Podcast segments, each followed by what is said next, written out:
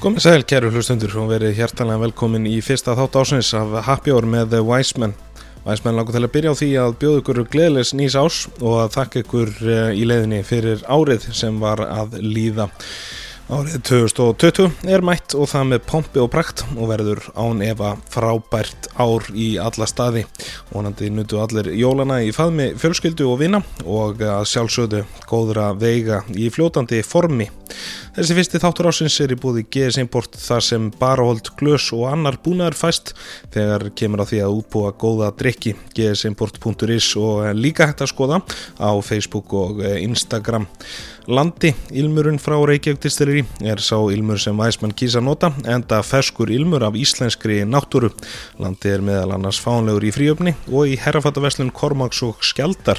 Mæli með að þið kikið á Landi Perfume á Facebook til að kynna ykkur þennan frábæra ilm en frekar. Blómabúðin Dögg í Hafnafyrði er staðurinn sem selgirar leita til þegar halda á matarbóð, veistlu eða annað tilefni til að skreita. Mikið úrval er þar af blómum, blómaskreitingum og öðrum fallegum vörum en það má allt finna í blómabúðinu Dögg í Hafnafyrði og 15% afsláttur fæst ef þið um, segið að væsmenn hafi sendt ykkur þangað þar að segja 15% afsláttur af vörum. En um, Þá að því sem skiptir öllu máli í þessum fyrsta þætti af Happy Hour á árinu 2020 geggjuð tala. Nú það er þáttur sem er samblanda af hristaranum, karaflunni, bjórdælinni og jafnvel fleiri tillum því þáttin er mættur einn helsti vinsjærfræðingur hjá eh, vinnbúðinni. Nú í þettunum ætlum við í saminningu að fara meðal annars yfir dagleg störf vinsjærfræðings, rína í sölu tölur vinnbúðirinnar á nýliðinu ári, spá spekulera í hvað þær tölur segja okkur um vín, bjór og koktelmenningu landsins en feist og fremst kynast þessum meistara aðeins betur en það kendi hann væsmenn vínfræði hér á árum áður. Það er því ekki eftir neinu að býða en að bjóða hann velkomin. Gísur Kristinsson, verðu hérstana velkomin í Happy Hour. Já, þakkaði fyrir það. Og gleðilegt ár. Já, sem er leiðisvinn minn. Hvernig leggst þetta ár í þig? Svona rosalega vel. Það er bara alltaf, þú veist, um leið og maður fær að lifa eitt svona stykki Já. og annar teku við, þá er engin ástæð til annars en að vera bjarsi. Nei, nákvæmlega. Nákvæmlega. Uh, sko, það má segja að uh, þú sért núna á samt kollegu þínum hér í vinnbúðinni að upplifa lognið á eftirstorminu. Er ekki hægt að segja það? Uh, jú, jú, það er náttúrulega þetta var og ef, ef það er ekki brjálað að gera í vinnbúðunum fyrir jóla áramót, þá Já. er það bara aldrei, sko. Nei, nákvæmlega. Desember er þetta mjög erilsamur í vinnbúðunum þar sem að Íslandingum þykir ekkit leðilegt að dreipa á góðu vín í, í desember. Nei, nei, það á bara að vera þannig. Já, já. Það bara, ég, við verðum bara báðir að vona það menn hafi kunnað að fara vel með það heima þú veist, að, að þeir hafi gjörðið til leiðinda Já, nákvæmlega. Uh, enda náttúrulega er væsmenn fylgjandi því að, að fólk uh, drekki til að njóta en ekki til að gleyma. þetta, þetta er til að skemmta sér sjáðu ekki til að rústa Nákvæmlega. Herru, förum strax aðeins í þinn bakgrunn.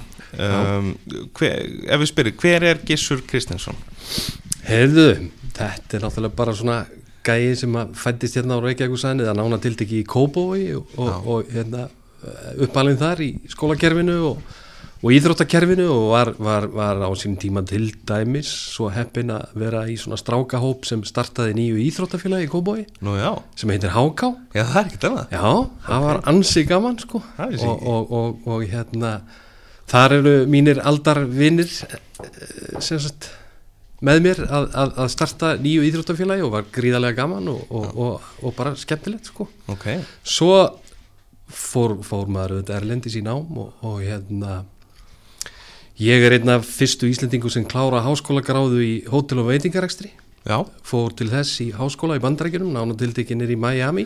Já, nákvæmlega, það var einmitt næsta spurning. Hvernig, hvernig var að vera í Miami? Heyrðu, það var náttúrulega bara sól og sandur og svona sko en, en svo kemur það manni svolítið óvart sko að vera í svona eilífri sól Já, það verður svolítið nákvæmlega. af því að þú veist, það vantar bara rokið og rigninguna snjóin og alla vitlisuna hérna heima sko. Já, þannig að ég var oft sko æðislega happy að koma hérna á Keflavík til dæmis um jól. Já, ef það var góður snjóstormur Já, þá var það uppáhalds. Já, það var svona, nú er ég komin heim Nákvæmlega. Uh, Sko, hvað varstu lengi í, í Ameríkunni? Herðu, þetta var, var hérna, þryggja rúm, já, þrjú, þrjú og hálfta ár sem ég var að klára þennan skóla. Já, eitthvað það skemmtilegasta sem ég hef gert um æfina sko. Æðislega áhugavert sko. já, ég var búin að vera að vinna hérna hjá Æslander eða flugleiðum eins og það hétt þá. Já, á hótelið svona til þess að sjá hvernig svona apparat virkaði sko. Já, og það kom í ljós og, og var svo skemmtilegt sko að það hafði komið sér vel sko því maður vissi aðeins hvað var að vera að tala um í tímum og svona. Já, en, en það var nú kannski svolítið vombriði sko að eiginlega allt það sem átti ekki að gera í svona rekstri það var gert hér heima. Já það Ok, en hvað, á hvað tímubili er þetta? Herðu, þetta er sko ég er, er, er hérna uh, 79 til 83 í þessu námi sko. Já, ok. En hvernig, þetta er huga að fara eh, til Bandaríkana og til Miami? ég veit það ekki. Nei, þetta, þetta er bara einhver hugd eftir sko. Ég, mér fannst þetta rosalega spennandi og ég var í, í Vestlunarskóla Íslands já, og, og hérna allir félagarnir fóru áfram í viðskiptafræði í Háskóla Íslands bara og það var bara svona beina brautin. Já, en ég gæti eiginlega ekki séð fyrir mér að vera að hangi verið einhverjum reikningum og pappýrum nei, það sem eftir var æfinar ég þurfti eitthvað, eitthvað svona peoples já. og, og ákvað þess að, að prófa að fara í þetta nám og, og ég vissi ekki um nema tvo aðra Íslendinga sem hefðu farið í þetta sko. Já, ok og, og hérna annar þeirra hafði farið í þennan skóla og það er Tommi á Búllunni Já, ok hann var hérna forveri minn í þessum skóla sko. Hvað þetta sér? já, já. En skemmtilegt En já, eins og þú segir uh, það er auðvitað miklu skemmtilega að hanga yfir uh, góðum vínum frekar en að hanga yfir einhverjum reikningum og, og útreikningum já, já, já, já. Hvað hérna, hvenar myndur þú segja þessi áhugi hafi vaknað þér á, á vínum? Heyrðu, það var bara á fyrstu önni í skólanum Já, er er ekki þannig uh, amerískur kall prófessor mm. sem kennir vínfræði? Já, og mér hafði bara aldrei dottið í huga að maður er eitthvað hægt að kenna um það. Nei, maður bara drikkið þetta og Já, það er ekki tægt að stúdera þetta er mættur. Og, og fer hann bara í fyrsta tíma og ég get bara sagt það að það opnaðist bara fyrir mér nýr heimur sko. Það var bara, kallinn kom bara með einhverjar kennslubækur og svona sem að ég held að væri ekki til og, og alls konar kort af og, og núna veit ég sko um hinn og þessa staði á landakorti sko en það tengist allt vínfræði, það er ekki, þú veist já. hvað er einhverja borgir eða eitthvað, Nei, eitthvað svoleiðis er, er, ég kann bara vínlandakortið sko. já. En það er, er, er það náttúrulega ekkert verra en hvað en að valda kort? Nei, nei, svo var þetta var skemmtilegt samband sko við þennan kall sko, þetta var náttúrulega algjört gúrú sko, Já. hann hafði unnið fyrir Seagrams Já, ok. sem sölustjóri í Skandinavíu. Nú já, Já, og, og kynntist sænskri konu og, og var giftur henni sko og þar með var ég Skandinavin og eini Íslendingurinn sem að, að var í skólanum og eini Skandinavin sko. já Og strax í upp á Ég fekk bara heimboð sko. Já, ok. Var bara bóðið heim í mat að hitta sænsku frúna sko. Sæll. Þetta var mjög fyndið. Þú þurftir ekki eins og að vera kennarastleikja Nei.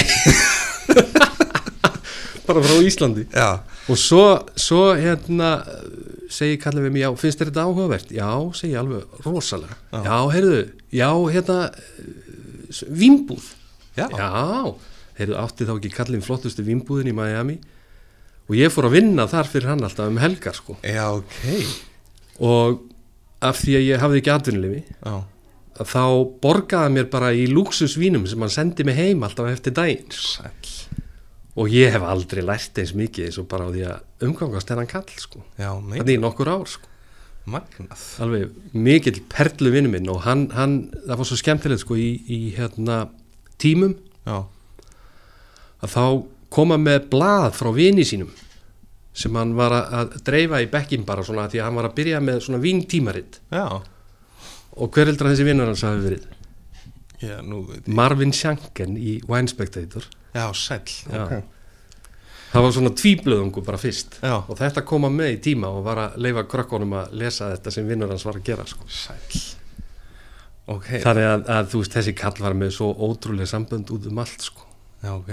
Hvaðan var hann, þessi, þessi maður? Þessi gæði, hann, hann uh, var einhver staðar úr norður fylgjónum í, í held ég einhver staðar í Grandvi Chicago fættur þar sko.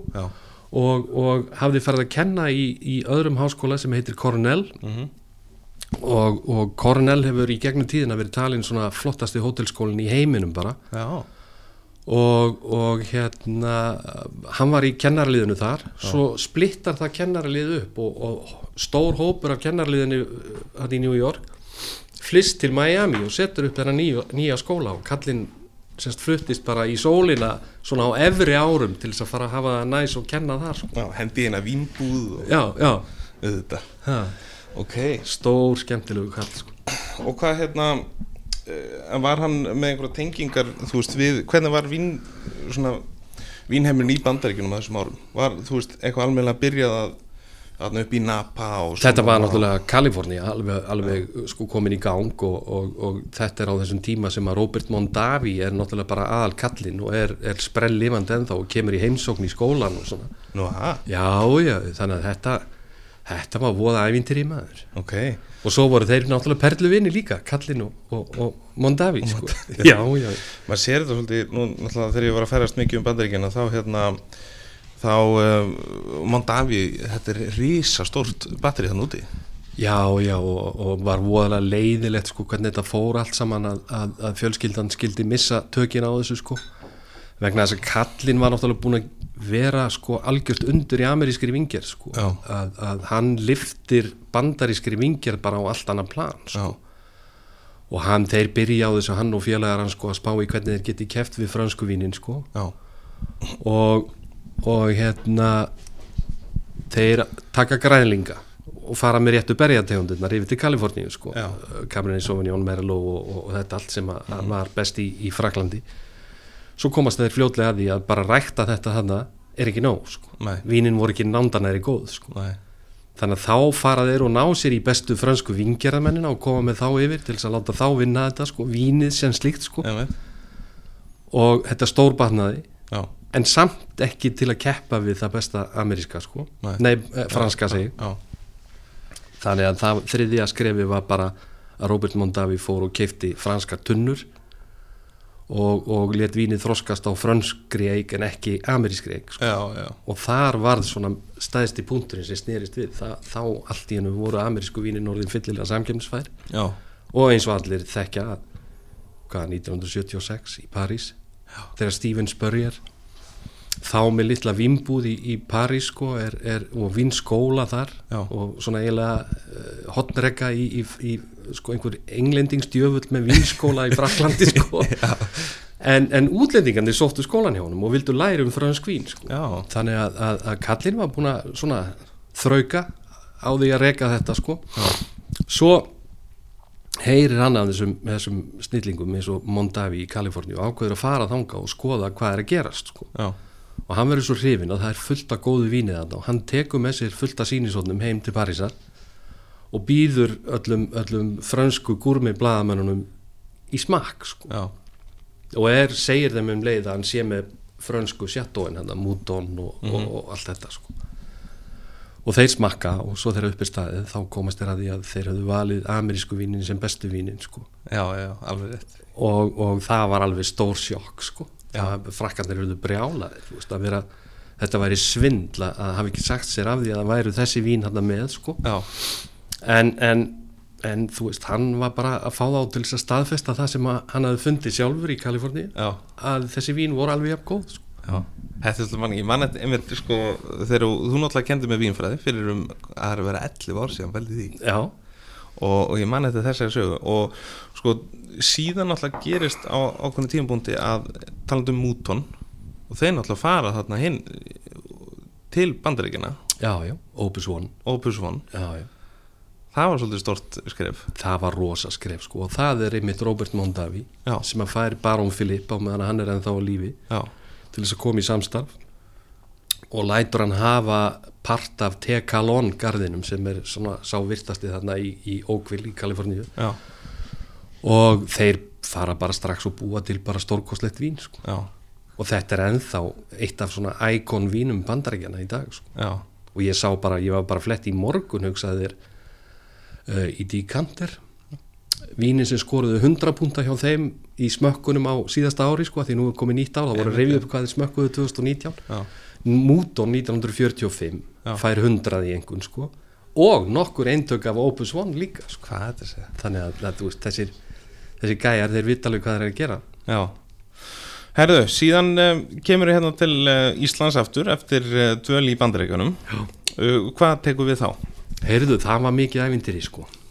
Þá fór ég í business með, með búlukonginum, Já, Tómasi Andresi ok.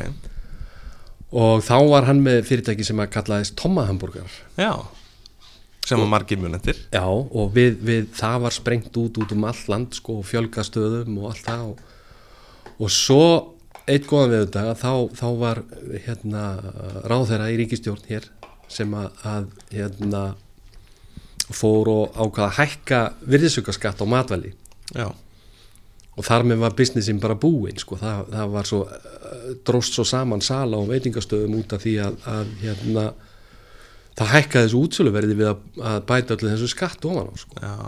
þannig að það var mjög erfitt rekstrar umhverfi sko. og svo vorum við þetta líka að lendi í því sem að ég hef aldrei skilið sko, að, að fyrirtæki eins og uh, Coca-Cola og Pepsi hér á landi sko, þeir, þeir er að selja þessum skyndibittastöðum og öllum veitingastöðum auðvitað gós Já,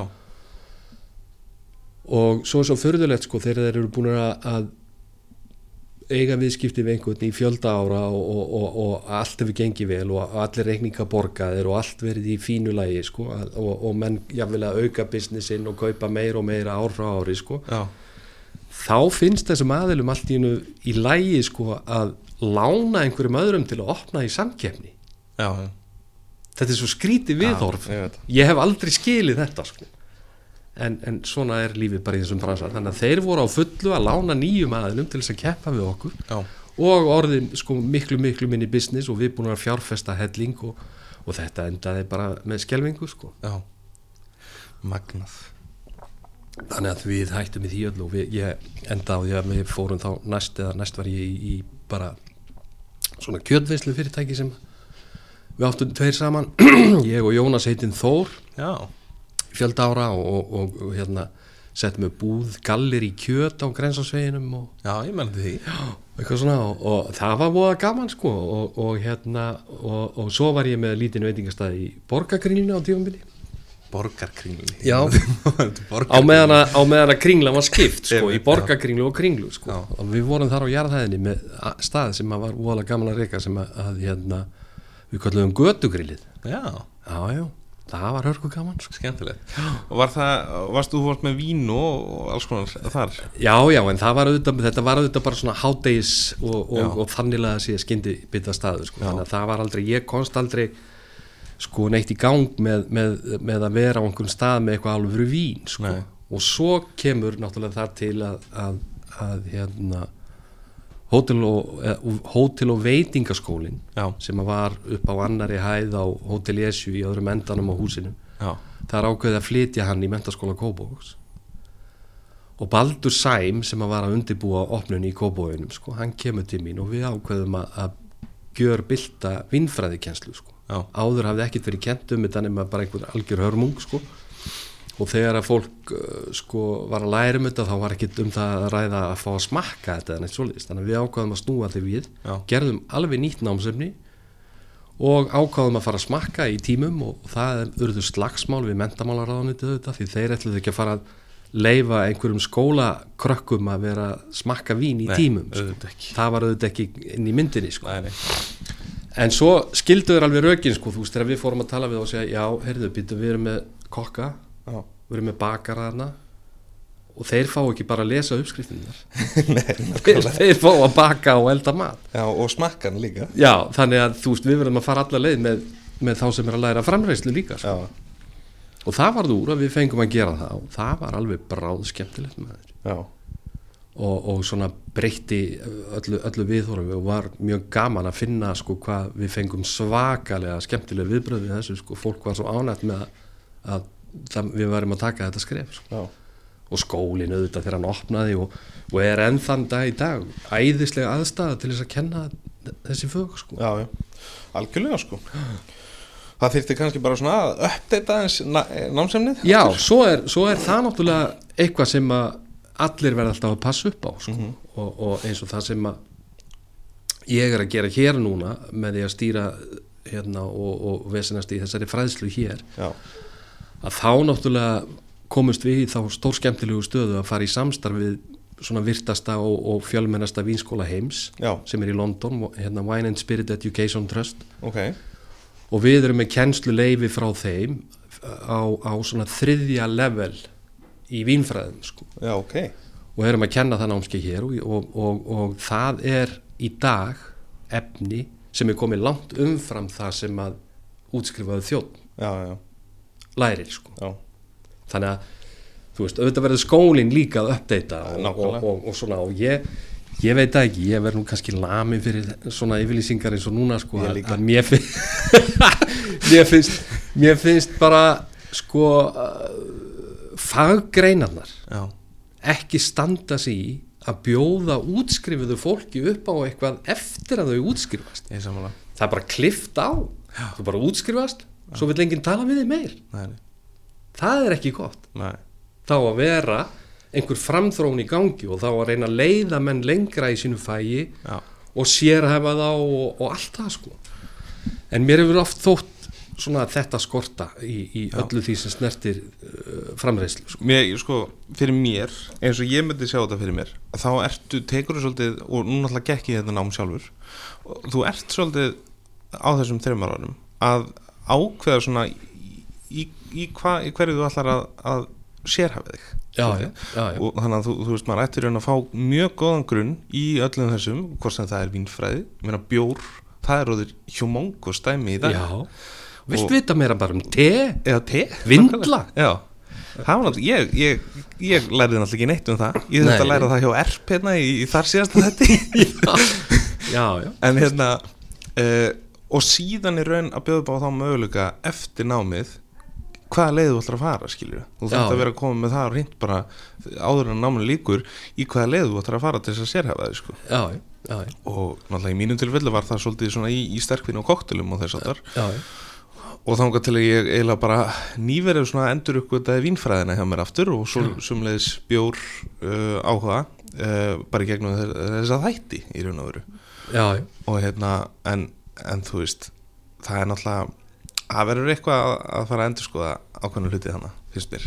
Já, já, og, og er, er, eru kannski bara akkurat perfekt og fín tímamóti þess sko, en, en, en, en þá náttúrulega verða líka, þú veist, uh, þú og, og, og fólk á þínum aldri verður líka bara að, að fara að, vekja upp spurningar og gera kröfur og spurja af hverju er þetta ekki og eitthvað svona. sko. algjörlega Það, sko, fólkið þarna eins og, eins og í, í, í, mentaskóla Kópavós er alltaf vilja gert og, og, og setti á stað alveg frábæra uh, braut á sínum tíma, sko. já, En það verður náttúrulega líka að fá einhverjar upplýsingar um það og vittneski utanfrá um hvað það er sem fólk langar til þess að fræðast um. sko. já, já, algjörlega Þú veist, þú ættir að sjá hvað við erum búin að gera hérna hjá, hjá átíðanferri í, í til dæmis eh, öllum þessum sér bjórum og svona. já, Við erum konið með sér búðnir í skútuvóki sem er að sérhefa sig í þessu Já. og þú getur fundið alveg ótrúlegt magn já, af skrítnum, þurðulegum bjórum þar, sko.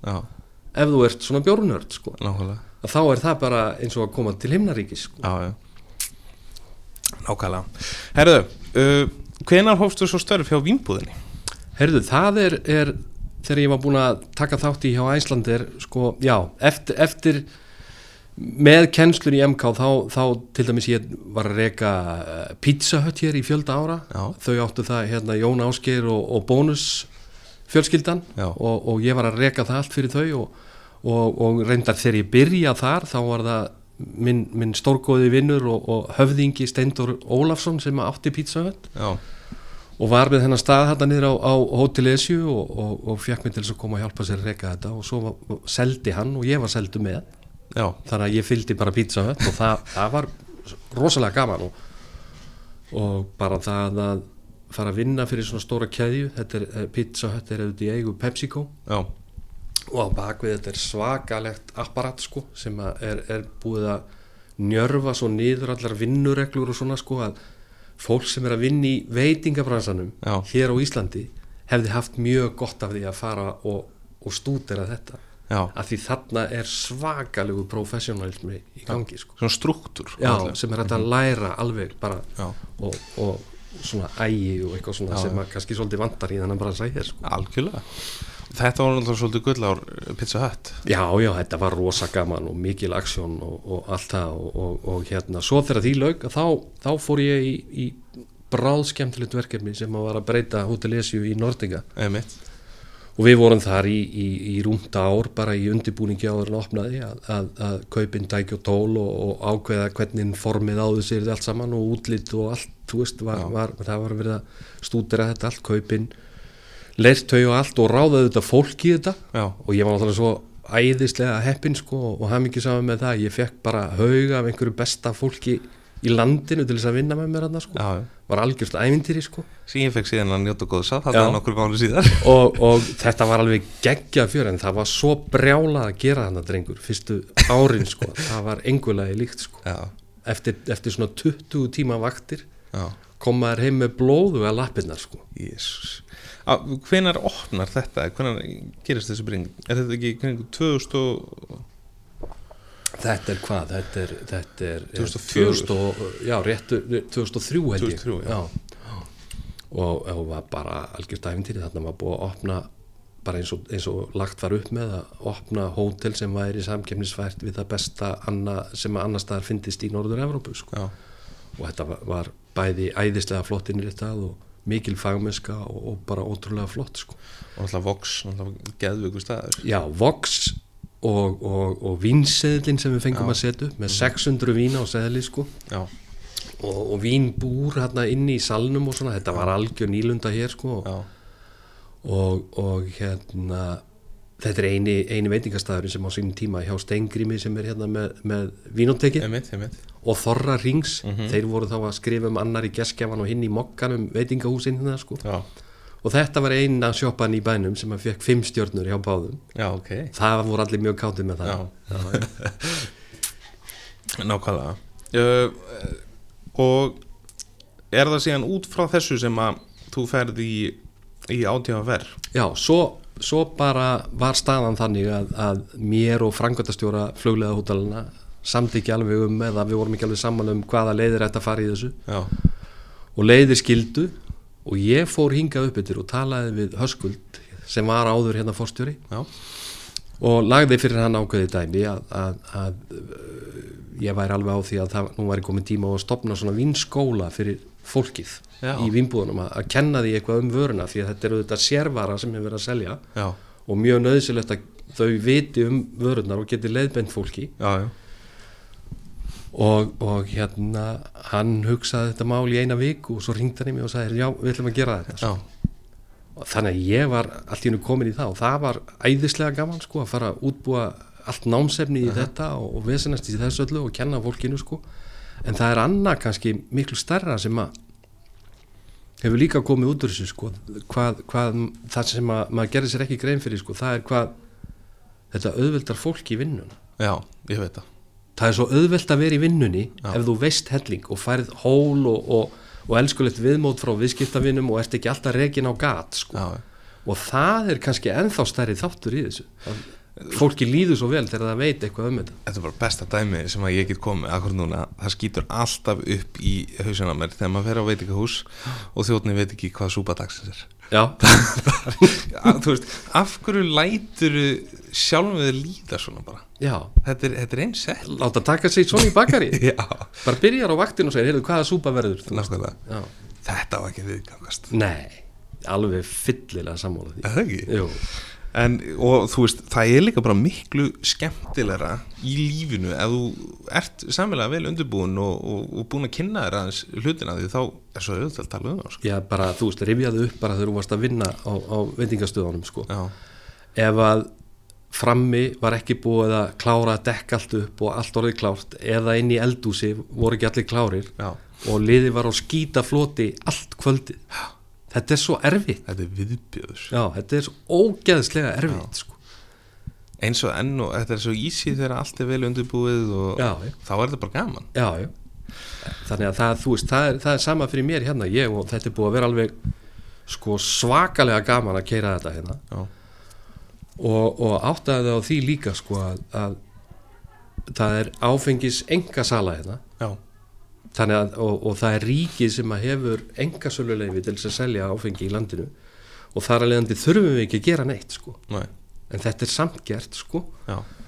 og, og þetta er ríkistofnun sem er að eyða bara í dag fullt af peningum í að þjálfa fólki sitt upp já, og þar með að láta því líða betur í vinnunni. Já, já, og náttúrulega þetta vita meira og viðskiptafinnur eru ánæðir, það er allt í plúsið þetta já, og þetta er búið að vera svakalega gaman að gera þetta og, og svona fyrirtæki sem að þyrft ekkert að eða peningi í þetta nei, gerir það miklu myndaskap sko. já, algjörlega.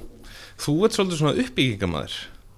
Þið veist gaman að, að hérna, uh, hvað ég segja, að byggja upp svona hluti, preppa námsefni og, og, og þess áttar. já, ég meni, ég, þetta, þetta er, er bara líf mitt og indi sko. ég, þú veist, þegar ég kem hérna ég átti aldrei vona að ég yrði hérna í 15 ár nei, nákvæmlega. en þetta er bara búið að vera svakalega gaman og svo er maður auðvitað alltaf að færast meir og meir inn í að, að, að stýra því hvaða vörur er í sölu hérna og svona og, og, og vinna þá hluti og, og, hérna þetta þetta, er bara, þetta er bara svo skemmtilegt og fjölbreytt starf að, að þú veist þetta henda mér alveg einstaklega vel. Já, sko ef við förum aðeins einmitt út í það sko hvað hérna uh, hvað er það sem þú gerir hjá Vínbu, hvernig er svona hefðbundin dagur hjá þér? sko allir mótnar, hugsaði það það sem allir öfunda mann mestar. Ok, það er að sita hérna og smakka vín.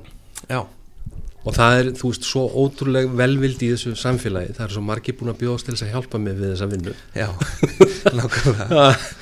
Að, að hérna, það finnst öllum þetta ótrúlegt að maður geti verið í því. En, en, en að, ég heila bara allir mótnar Já, frá nýju til tólf Já. er bara að smakka.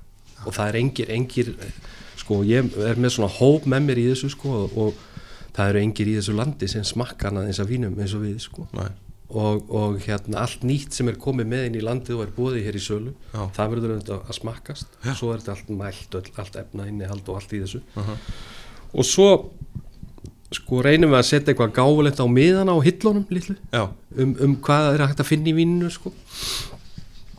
og, og nýjir árgangar af víni sem er í sölu nú þegar já, það þarf að smakka þá líka og breyta þá þessari lýsingu. Þannig að þetta er heljarinn að vinna sko.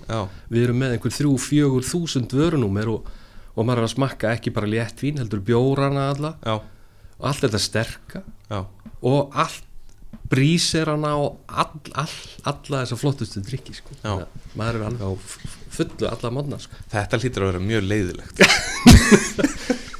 stundum er það alveg óþólandi það er, það, er, það er stundum er að koma inn þú veist eitthvað svona dót í smakk sko, sem er alveg bara veist, Já. hörmung sko. Ítla balanserað og já og bara ógeðslega vond Já, að Ég er, sko, mér finnst þetta ákveðin list að búa til vín og bjór og sterkvín og hvað sem það er.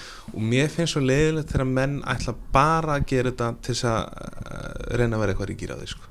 Að því það gerist bara ekkit, sko þú veist, þú verður að búa til gæða vöru. Þú verður að setja smá sál í þetta og, og þú veist, gera þetta af alvöru finnst mér. Já, sko það er eitt sem maður er búin að sjá núna undanfærin ár með því að þú veist, nú reynum við að fylgjast vel með og, og, og ég er svo heppin að fara á vinsýningar út í heimi og, svona, og sjá hvað er í gangi hitta menn sem er að búa þetta til og, og við bjóðum þeim öllum í heimsókn hérna til okkar framleiðendur sem koma til Íslands að þeir eru allir bóðnir í heimsókn hér og, og, og smakka með okkar sérfræðinga hópi og, og starfsfólkin okkar sko.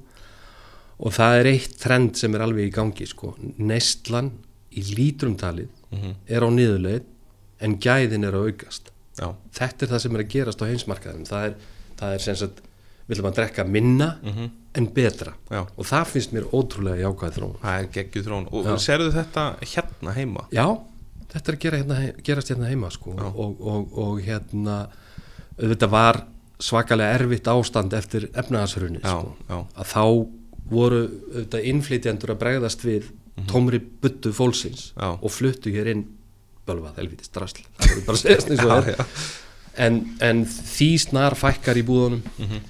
Og við sjáum alveg að, að, að svona fólk er að færa sig upp í, í meiri gæði og eftir því sem þjóðin lærir meira einmitt um þessa vöru Já.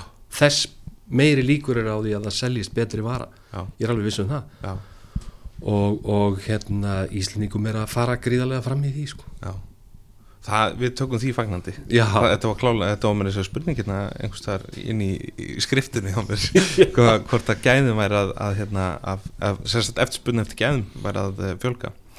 Uh, Sko nú komu út sölutölur uh, áfengis árið 2019 Já, og þar er talið sko tæplega 22,7 miljón lítrar. Já, og það er uh, 3,1% meiri sala í lítrum talið en árið 2018 já, Uh, viðskiptöfunum fjölgaði um uh, 2,4% uh, á árunnu 2019 uh, en alls komu um sko 5,1 miljón viðskiptöfuna í uh, samborðið tefla 5 miljón árið 2018 já, uh, Svo náttúrulega eins og við tölum um desember þá komu sko 46.000 manns uh, í vinnbúðuna á já, þetta er cra crazy dagur, sko. þetta, þetta er svakalegt Já, já. En þetta er skemmtilegt, þetta eru skemmtilegustu dagarnir. Já. Þetta eru núna af því að ég er ekki starfandi í búðunum, Já, þá fer ég út í búð þessa daga því að það er svo svakalega gaman að vera þarna. Það er svona aksjón í gangi, sko. eins líka talandi bara um þólasmessu uh, það er svona dagur þá er mikið af fólki að koma og leita sér að gæðum og það er náttúrulega gaman að tala við þannig fólk það er ákvæmlega Já. skoðan og sérstaklega kannski í vínum Já, já, já, já. Og, og þú veist, þá er, ert að selja fólki sko einhverja, það, það kemur bara fyrrabræði til þín og segir við þig, maður festist nú alltaf í þessum sömu tegundum og svona, getur þú ekki bent mér á eitthvað, þú veist, sem er, er, er eitthvað betra og eitthvað svona, því að það eru nú jól og svona, þú veist, og allir að fara að splæsa meira, sko. þannig að það er auðvitað æðislega skemmtilegt, sko. uh, Hérna, talandi um þetta festast tegundum Já, við erum sko það segir, það segir hérna, tengdamóðum notar þetta oft þegar það er hlaðborð. Það er bannað að leggjast á sortir. Já, þú mátt ekki taka bara sa sama sem er í hlaðborðinu. Eru Íslendingar svolítið gerðnar að leggjast á sortir? Sko þetta er, þetta er náttúrulega þú veist, við gerum þetta öll held ég. Já, og, og þetta er þessi viðbröð sem ég fæ alltaf hjá bara eiginlega, ég get fullirt hverjum einasta viðskiptafinn sem kemur inn í vínbúðina til mín sko. hann er auðvitað komin inn í búðina Mhm. til þess að finna eitthvað æðislega gott já, sem helst kostar ekki neitt. Já, já, þetta er óska draumurinn okkar allra er að finna eitthvað alveg geggja vín sem kostar æðislega lítið. Já, en þetta er, þetta er, þetta er ofta ekki hægt. Svona, ein, í, einhverjum tilfellum eru til alveg æðisleg ódýr vín sem, a, sem, eru bara gerða framleiðendum sem að kunna ekkit annað en að gera almennilega vöru og Já. það er, það er bara eftir því sem að, að maður er lengur í þessum bransa þá sér maður bara að það er ákveðin vörumerki Mhm. ákveðin framleiðendur. Þeir eru svo vandaðir og eru að gera svo flotta vöru að allt það sem þeir senda frá sér hvort sem það er léttasta, ódýrasta vínið Já. eða þetta þingsta já, þetta er allt í toppstandard. Já. Það er allt fagmannlega já, gert. já, allt saman 100% ekkert of súrt eða of tannist eða, eða hvað það er sem fólk er að kvart undan sko. Mhm. en svo viðskiptavinni hér sko, við, við höfum verið að sveifla svolítið á milli landa og svona og það er svolítið áhugavert að sjá það sko. núna á síðasta ári uh, var ég að skoða tölur og eina, eina landið sem er til dæmis upp á við í hvít og rauðu er Ítalía já, það er bara, þeir eru inn núna og það er ein tegund aðalega eða svona típa víni. Það er svona appassimento appassimento, þessi aðeins sætu vín sem að vilja slá sann í gegn sko. ok. En það segir mér bara það að sko Íslendingar erum ný þjóð í vindrykju við, erum- við, erum, við erum ekki reynslu boltar í, í letinstrykju við erum bara að færa okkur frá Coca-Cola yfir í vín já, já, og þá byrjum við í þessu sæta. Já, og okkur finnst þýskur rísling örlítið sætur æðislegur sko. já, já. og svo finnst okkur svona sætt rauðvin líka mjög gott sko. en reynslan segir allstaðar að, að svo færum okkur í eitthvað kraftmeira og meira kryddað Mhm. úr þessu sæta, það verður svona við verðum kannski svolítið leið á því já, og það er núna, maður finnur mikið þetta moment sko að, að stór hluti á kúnahópnum er að fara það yfir og það er líka að koma yngri kynnslóð inn í vinnbúðunar já, og þar eru breyttar áherslur. Núna allir koma einhverju duttar sko í stuttarmannbólnum í stórhríðinni sko. Og eru mætti til þess að fá einhvern ferlega funky bjór. Já, já, og þeir kaupa bara einn. Já, já, og meðan að gamli kallinn ríkur alltaf í stæðuna og tekur rútu með tíu í. Þú veist, og, og þá eru kannski tveir, þrý vinir að fara saman að smakka. Já. og það er auðvitað skemmtilegt sko að, að það er verið að prófa fyrir gæðin Já. en ekki til að sturti í sig einni hálslítið stórs Já. til þess að fá einhverja veist, eitthvað í tanna sko. Þannig að það er skemmtilegt og svo höfum við fundið fyrir sterkri bylgju í, í single malt í, í hérna viskíinu Já, og það er líka þessi yngsti hópur já, ok Já, þeir eru rosalega fegnir að þeir sjá einhvern svona gamlan sköllótt, hann kallið svo mjög í búðinu og geta spurt hann og svo þegar maður fer að tala eitthvað og þeir finna að maður veit eitthvað aðeins um þetta Já, já, að þá, já en þetta, en þetta, en þetta, en Já. þetta sko. þannig að þetta endar í svona hálftíma, klukkutíma samtali sko. ok Hörru, þetta var æðislega maður, takk að þið fyrir þannig að þeir fara sko, Já. að einhver gætt sagt þeim eitthvað um Já, já, og þeir fara út kannski með sikvara flöskuna, einhverju singulmólti til að fara heim og prófa sko. já, ok. Þetta er mjög jákvæmt sko. Þetta er skemmtilegt. Sko, förum aðeins í, rínum aðeins í þessa flokka hérna. Og byrjum á, sko, uh, rauðin og hvítvin Þar er eh, aukning í báðum þeim flokkum. Já. Öllu meira þegar kemur að hvítvinni uh, Sko, er, er þetta lítur hérna, 1200 já, þetta eru lítrar. Ok, það er sérst 1200 og 1,30 og svo 1229 uh, í kvítu á hérna 2018 já, þetta er semst 1.129.000 lítrar sko. Já, einmitt, ok. Og, og, það hljómaði aðeins og, og sjáðu breytinguna þetta á milli ára? Já, í kvítu já, við erum aðeins meira þar upp á við heldur en í rauðu. Já, og það er skemmtilegt að, að við eiginlega getum sagt okkur akkur það er. Já ég, ég skal koma með það. Það er veðrið. Já, Það ekki? það var sumarið hérna þeirra, sumarið. Á suðvesturhóndinu Já. þar sem að 75% af vesluninni fer fram mm var gott veður, -hmm. þá ríkur kvítafinnið Já, þetta er bara augljóst dæmi um það sko. Og sko þetta er 6,40% aukning. Já, uh, 0,30 hérna í rauðvinni já, aðeins það er eiginlega bara það sama þannig að það sé sko. Uh, En já, eh, myndu ekki segja að þetta væri veðrið það Jó, algjörlega. Að hvíta og, og sjáðu líka að þetta, þú sér þessa þróun líka í freyðivinnu Já, og kampavinnu, gríðalegt stökk upp á við þar sko. Það er einmitt hérna næsta. Uh, en, en hvar sem er sko það er hérna rauðum hvítvin uh, og svo er freyðum kampæn hvar er líka rósavinnið? Er það í einhverjum af þessum flokkum eða? Nei, sko, rósavínið erum við að selja í mjög litlu magni sko.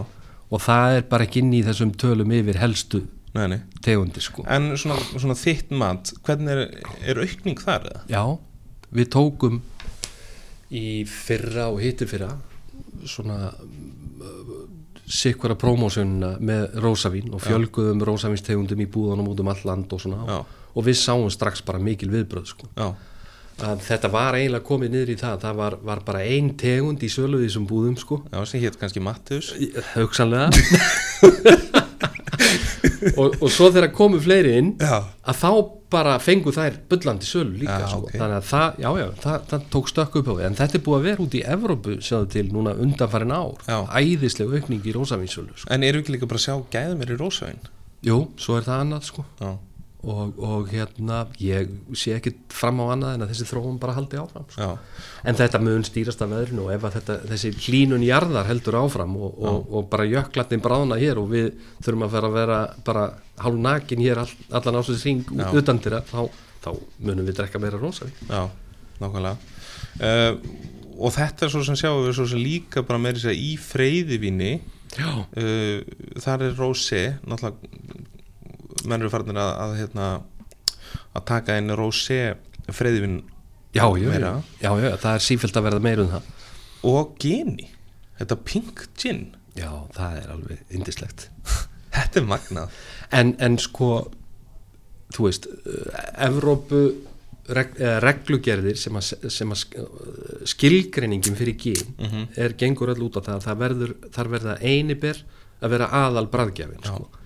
Já, það er einhvern veginn verið að víkja svo mikið frá því núna, það er komið inn alls konar sko bara strawberry og eitthvað Já, já, já. sem, að, sem að, að, að þetta er ekki bara liturinn sko. Þannig að, að, að það verðist vera svona sterk gen tísku bylgja einhver í gangi sko. já, já og það er einhvern veginn voða stedd í svona hækkun í, í hérna drikju á geni verðist vera ég sko ef maður hugsa svona aftur í tíman sko þá, þá verður svona finnst mér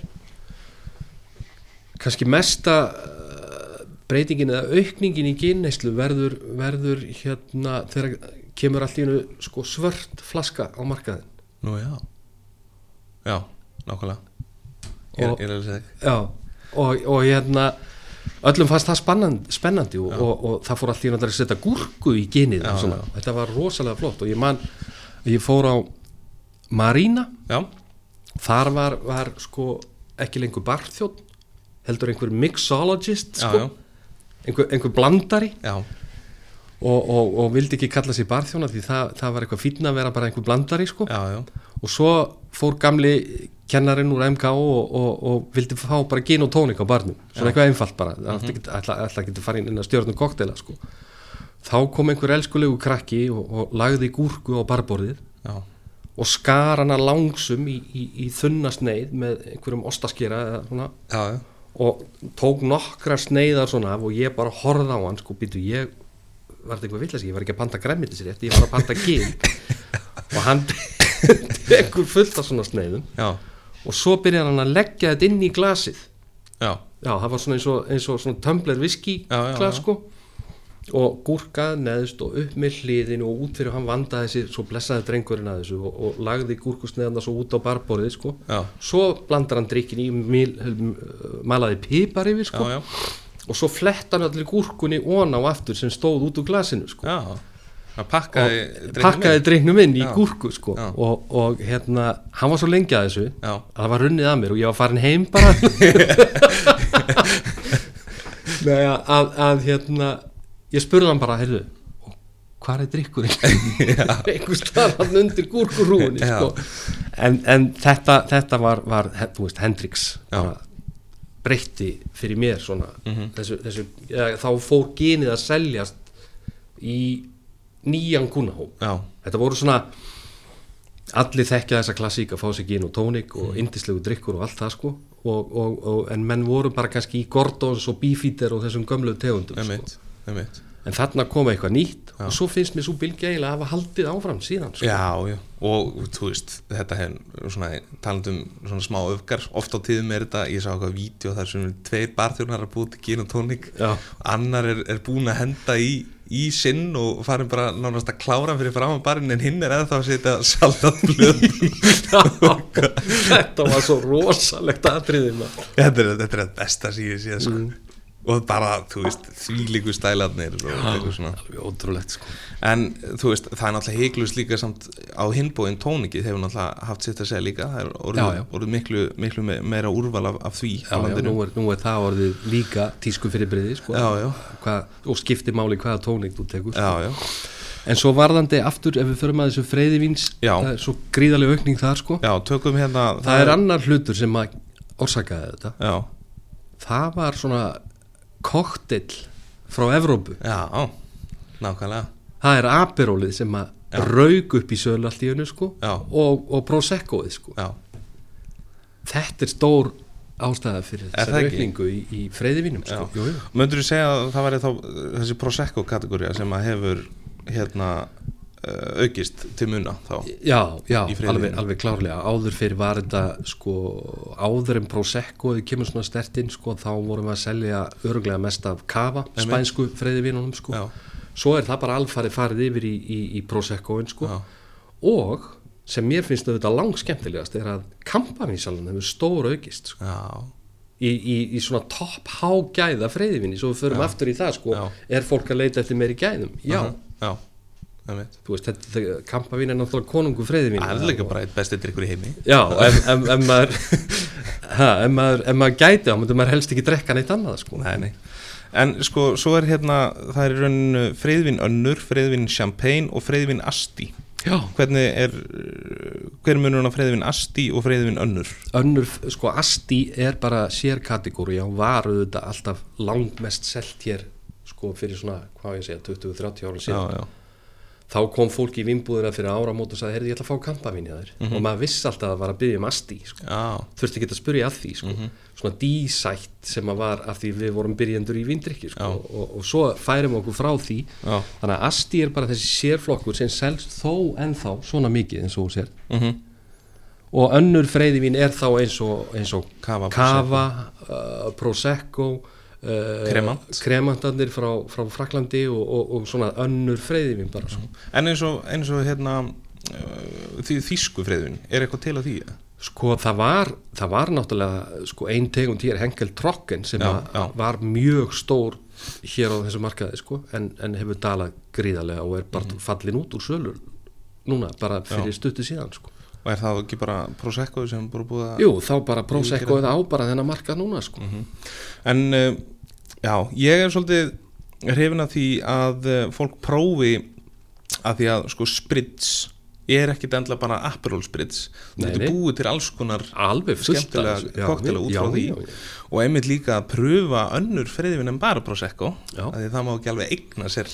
Nei og, og tilfellið er það sem fólk gerir sig kannski, kannski ekki grein fyrir sko að, að, að Prosecco það er svona klassíkó svæði inn, innan Prosecco svæðisins. Já, það sem eru svona hæðir og hólar og, og, og menn náðu bestum árangri með, Já, með vínviðin sko og, og, gerðu bestu berin sem skiluðu besta víninu. Mhm. svo þegar eftirspurnin eikst þá auðvitað fyrir svæðið að stækka og bændur fara alltaf að byggja um að, að, að, að skilgreining svæðisins verði færið út sko. Og núna segja margir að það sé búið að þinna þetta svo út og það sé verið að vinna þetta þannig að þetta sé margt að þessu sé bara bölva drastl sko. Og ég finn það alveg á þessum tegundir sem við erum bara með í sölu að, að það eru gríðarlega mismunandi í gæðum sko. Þannig að fólk þar, svona ef fólk að það er að drekka Prosecco það verið gaman að þau myndir kannski lesa sér aðeins til um hvað, já, í, já, hvað fælst í því. Já, og, og náttúrulega hérna, skoða kafa líka því það er margt skemmtilegt þar líka. Já, já, já, já. uh, Herðu, tökum hérna já, förum aðeins yfir söluna hérna í, í, í desember. Uh, sko, þá var salan sko 44.462 lítrar. Já, uh, það er aukning um 10,6% já. hérna erum við ekki að tala um veðrið hérna erum við bara í, í desember sko. Já bara aukin neysla og freyðivinni almennt. Uh, þannig að þú veist það er í raun og veru búið að opna þessa kategóri tölvert meira einhvern veginn hjá landanum uh, út, þó að veðrið kom ekki endlega til greina. Já, þú sér líka þarna á tölunum sko að, að, að freyðivin önnur þarna Já, sem að Prosecco er inn í Já. er með langstæðsta hlutan og sér hvað astíð er orðið lítið sko. já, já, núna fyrir jól, þetta kemur mér til dæmis mjög óvart, þetta segir mér bara það að, að, astíð er eiginlega bara, já, að missa flugið algjörlega, sko. Og það að því að sko friðvinn önnur eru náttúrulega tölvert svona þurrari vín líka já, yf, yfirleitt, sko. Þannig að þetta er svolítið, svolítið skemmtilegt. Þetta, þetta bara staðfistir það sem við vorum að tala um að, að fólk færi sig úr þessum sætari drikkjum Já. yfir í þurrari og kryddari þegar, þegar það svona reynslan ekst, sko. Það er svona framþróun bræðlugana já, já, algjörlega. Það er mjög skemmtilegt. Herru, þá skulum við segja okkur skilið við uh, þessa kategóri og færa okkur yfir í bjór. já, Þá skulum við byrja á lagarbjór sem er jáframt söluhæsti flokkurinn hjá vínbúðinni. Já, já, langsölu hest, sko. Og, og hérna, þú veist, þar eru náttúrulega að tala um bara, þú veist, það er bara heimin að hafa á tölunum þar. já, já, Þú veist, 16 miljón lítrar já, lítrar. já, Uh, í lagarbjórnum. Já, það er raun sama milli ára nema að, að það eikst þarna um einhver, einhver 100.000 459,30 þúsund. Á móti 128,40 þúsund árið 2018 þetta er aukningum um 2,10% uh, þú veist, við getum alveg sagt að veðrið hafa nú sitt að segja hér líka. Já, já, og svo, svo sjáðu ef þú, ef þú skoðar þessa bjórtölur hérna Já, þá sérðu ef þú ferði í, í hérna, þannig er lagarbjórin sér svo eru aðrar bjórtegundur, sjáðu Já. hvað gerist þar það er 14% aukning. Já, tökum það hérna. Og, og sem að segir okkur það að þróunin er að gerast að, að, að sko það er aukin áhugi fyrir öllum þessum sérbjórum eins og ég var að tala um bara með yng, yngsta kynsla Já. sem er að koma í búðina núna Já, og, og þar eru menn bara slakað eins á í lagarbjórnum sko, þeir drekki ekki eins ofbóðslega marga lítra heldur færri bjóra og bara eitthvað svona skríti stöf sko. Já. einhver tíman lærðu þeir allir að, að svona ybabjór væri ógeðslega góð sko. Íbabjór, já Já, og þeir drukku ekki þannig en ybabjór og báðum hann þegar þeir komu í búðina Þú sko. verður heilt þetta átt, Íbabjór Já, ég veit það mjög oft Það var alltaf verið að tala um hennan India Pale Ale vita náttúrulega ekkert hvað og vissu ekkert hvað stóð á bak við það sko, þú veist þetta er India Pale Ale sko, og, og, og er, er sagt, brest öl sem verður til af því að þegar að Breitlandin voru að flytja á sektskipunum í gamla daga bjórin frá Breitlandi og yfir til Indlands til þess að hermerindir vildu vera á Indlandi í Já. nýlendunni sko Já. að þá var það dælið á bjór sko Já. en bjórin vildi skemmast á leiðinni Já, og leiðin til þess að koma í veg fyrir það var að setja meira af humlum í bjórin Já. og, og gera hann svona kryttaðari og þannig var til þessi India Pale Ale það er svona heitir hann þetta. Já, ég fíla ætla að fá þetta. bara svona Ipa-bjór.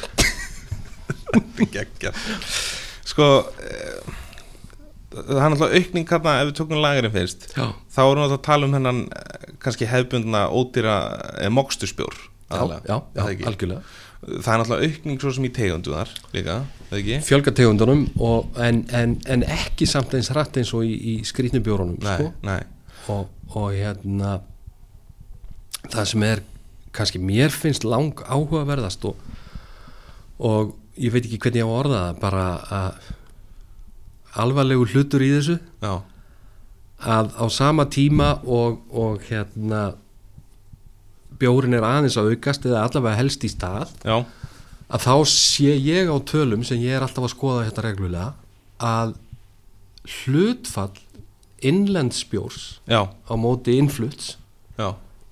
það er að dala. Nú að það. Við erum að drekka, þjóðin er að drekka alltaf meira og meira af innflutum bjór Já, á móti þessum íslenska. Það sprett upp brugghúsin hérna sko. En, en hlutdeil þeirra í sölu hjá okkur mingar sko hvað er þetta að segja? Já, það, það finnst mér svolítið svona öfug þróun. Ég hefði viljað sjá þá vera svo spennandi þessa bjóra sko að þeir myndu hýfa upp þessar tölur hjá okkur sko. Já, En það hefur ekki gerst sko. Nei, það er uh, svolítið, svolítið áhugavert það því að nú sko uh, meina, við erum bara á heimsmæli hverða hvað, hvað, svona ef við tökum þessar aðrar bjórtegundir Já, með þessi brugghús hérna heima já, já. uh, og þú veist, ef við tökum ok, það er náttúrulega kannski auðvelt að, að svona festa sig í þessum tölum uh, 16 miljónir eitthvað en það er samt sem að það er í lagabjórnum 2,10% aukning Já. en ef við förum í aðrar bjórtegundur þá er 14,90% aukning já. það er náttúrulega svakalegt sko Það er bara mjög skemmtilegt og, og auðvitað gott að, að fyrir þessi fyrir þessa aðila hérna heima sem er að brugga þennan sérbjór að, að það sé aukast salan í þessu. Já, Það er alveg briljant. Er bjórnördum að fjölga? Já, já, en ekki trætt sko. Nei.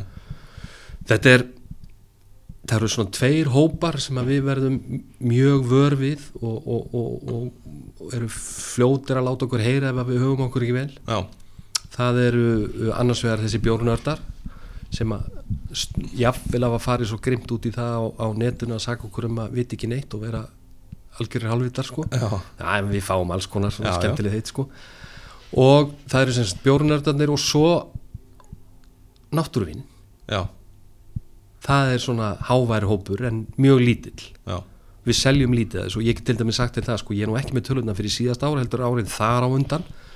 Þegar ég skoðaði heildarsölubjórs að þá var sala á þessum sérbjórum þar að segja öðrum bjór en lagarbjór ekki nema 6% af heildarsölunni sko. þannig að þetta er lítil hlutfall en háværi hópur sem að vill þetta sko. já, og, og gerir mikla kröfur og við höfum reynd að elda það. Og ég held ég tekist ágæðlega bara sko. en svo er það náttúruvininn, það er aftur á móti meira vandamál. Og, og, og við erum með svona einhverja 20-30 tegundir hérna bara í heðrúnu sem er í bóði og fólki guð velkomið og meira velkomið að koma og skoða það og prófa. Já, en, en sko verandi svona gamall í, í bransanum já, að þá þá hérna eru þessi vín sum þeirra bara þannig gerð að þau eru sko, ef þau væru dæmd við hliðin á venjulegu víni já, í toppgæðum þá er þetta flautað af sem ónýtt sko, já, ok, sem oksað eða, eða sem sagt að það hafi komið svo mikið súrefni þetta að þetta sé bara skemmt sko. og það er auðvitað ákveðið áhyggjöfni sko. En svo hafandi verið svona lengi eins og ég segi í, í þessum bransa, í áratugji að velta mér upp úr þessum vínmálum sko þá, þá finnst mér þetta svolítið eins og þegar mannstu lífrænu vínum var að koma fyrst? Já, þá voru þau mörg alveg ógeðslega léleg sko. já, af því þá ætluðu menn að selja vöruna bara út af það að hún væri lífræn og það væri alltaf að rukka hátt verð fyrir það því það var ákveðin hópu sem vildi kaupa svoleiði sko. já, já, en svo í dag fjölgar þessum lífræðinum vínum alveg rosalega rætt og gæðin aukast alveg rosalega sko. já, þannig að, að á ekki bara það sami eftir að gerast með náttúruvínin já, en þeir þurfa líka að fá einhvern vottunar aðila eins og staðan er í dag ef þú hittir einhvern bónda í einhverju vingeralandi út í sveit og hann segir við, því, já ég er að gera náttúruvín og ef þú spyrir hann, já getur þú sanna það? já, Nei. Ertu með einhverju vottorð upp á það? Nei. já, Það er ekkert sem vottar hann sko. og það verður svolítið vandamál fyrir þessi vín af því að þú ert með organic vottun, þú ert með Demeter vottun fyrir líf eldvín sem eru er gerð eftir heimintunglunum, Já. það sem ég stundum kalla svona í gríni kúkur í hotni vín. Ok, af því að þeir, það er semst til þess að í þessum heimintungla kenningum sko þá áttu að setja mikið í kýrhotn og grafa niður í einu hotninu á garðinum sko. Já, og fylgir svo heimintunglunum alveg sem sagt þú ferð ekki í uppskeruna nema sé uppskeru dagar og staða tunglsins er rétt sko og allt þetta það er, það er sífellt að fjölga framleiðendum sem gera vínin svona alveg á eins náttúrulegan hátt og hægt er og, og eftir stöðu heimintunglana og, og þetta eru stór skemmtileg vín en, en það er þó til vottunastofa fyrir þau já, já, sem heitir Demeter. Og þetta er allt gert eftir kenningum frá frægum austurískum gæja Rudolf Steiner sem að, að, að, kom með þessar kenningar um að við ættum að aldrei að nota neitt tilbúin áburð eða Já, já. uh, skordýra eitur eða neitt svoleiðis, það er bara að láta náttúrun að stýra þessu sko. ok og, og, en þess, þessi vín kalla sig ekki náttúruvín sko. Þau eru vottuð að þessu Demeter og er bara, gerð á eins heilnaman hátt og hægt er og, og kannski með sumum vist þetta, þetta stórskritin della þetta þetta er mjög áhugavert og, og hérna mikil triks og svona en, en, en þetta, það er við erum bara, þú veist, ég er búin að fara ferðir í vínhjörðin og hitta bændur sem er að gera þetta svona og, og, og margt af fólki sem að við erum að selja vín frá sem að, er hér í hillunum og búið að vera í mörg ára er, er stórkostli vín að þau eru, þau eru að færa sig yfir í þetta því að Já.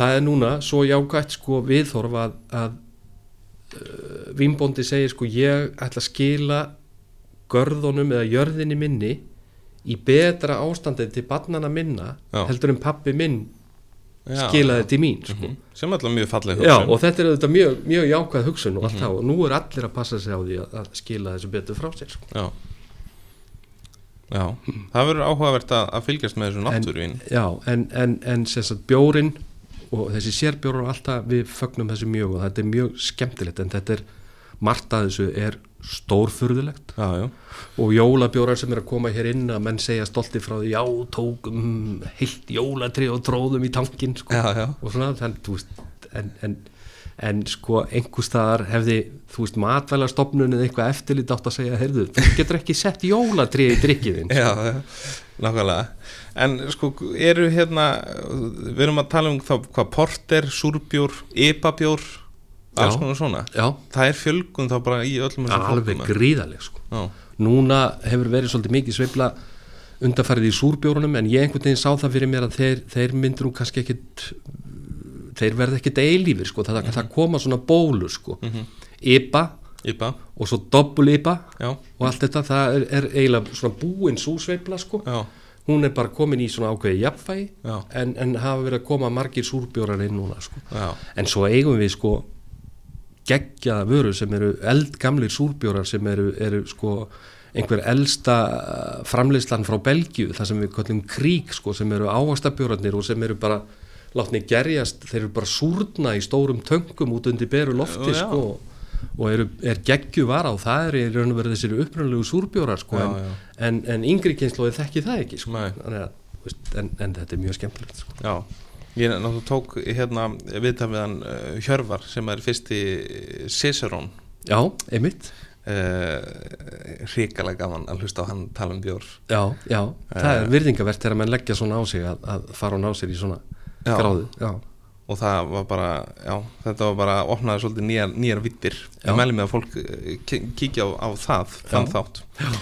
Um, þannig að það er klálega uh, spennandi að fylgjast með þessari, þessari þróun Já. það var þar þessa, alveg, klárlega. þessa hérna, aðrar bjórtegundir flokkin Já, færum okkur yfir í ávaxtavín. Hvað er að tala um þar?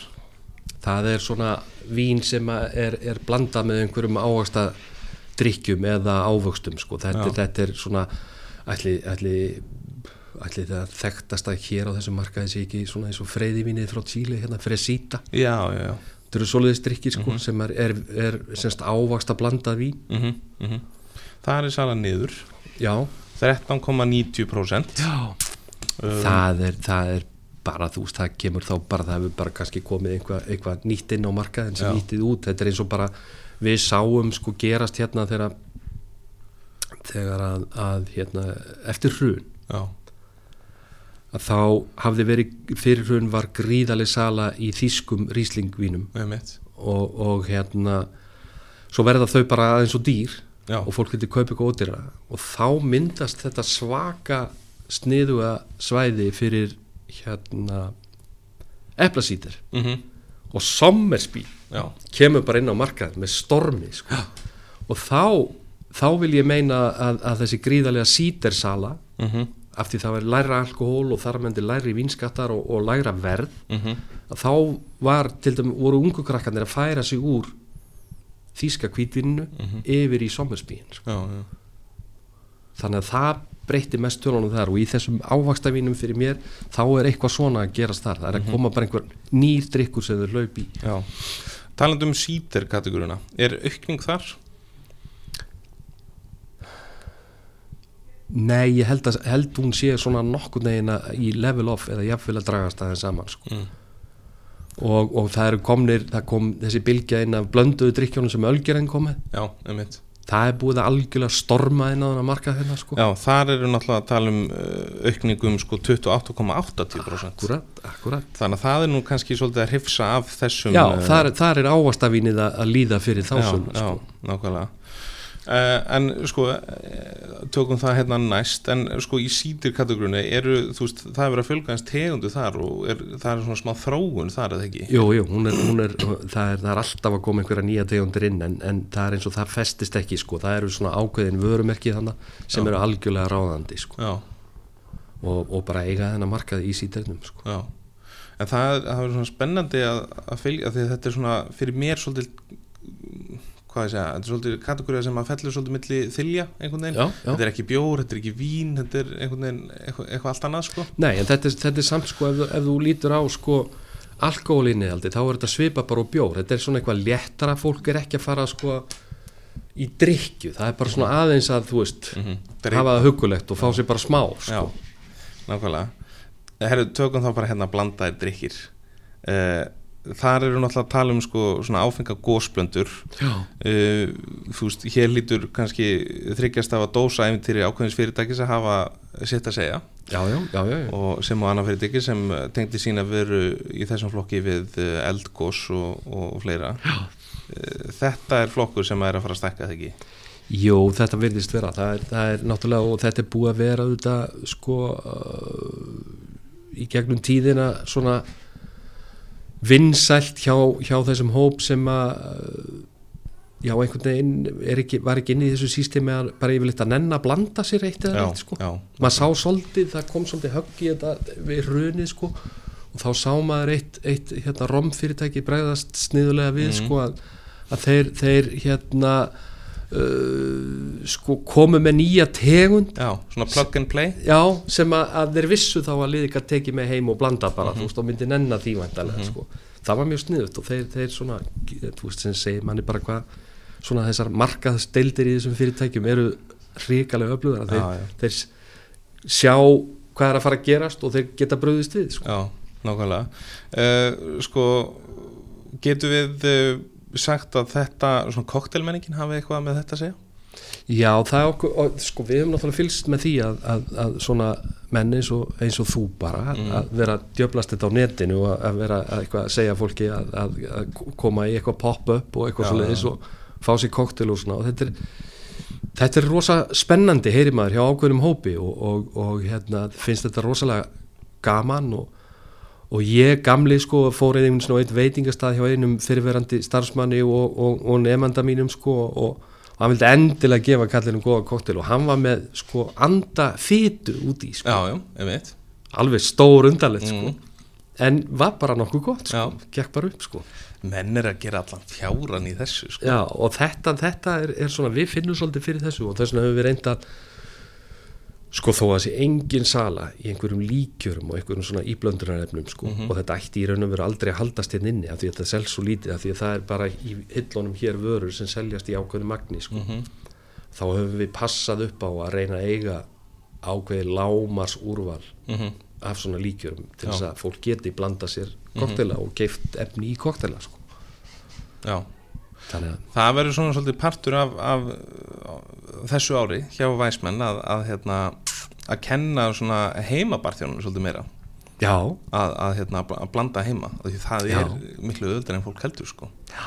Og, og hérna hveti fólk til að, að fylgjast með því?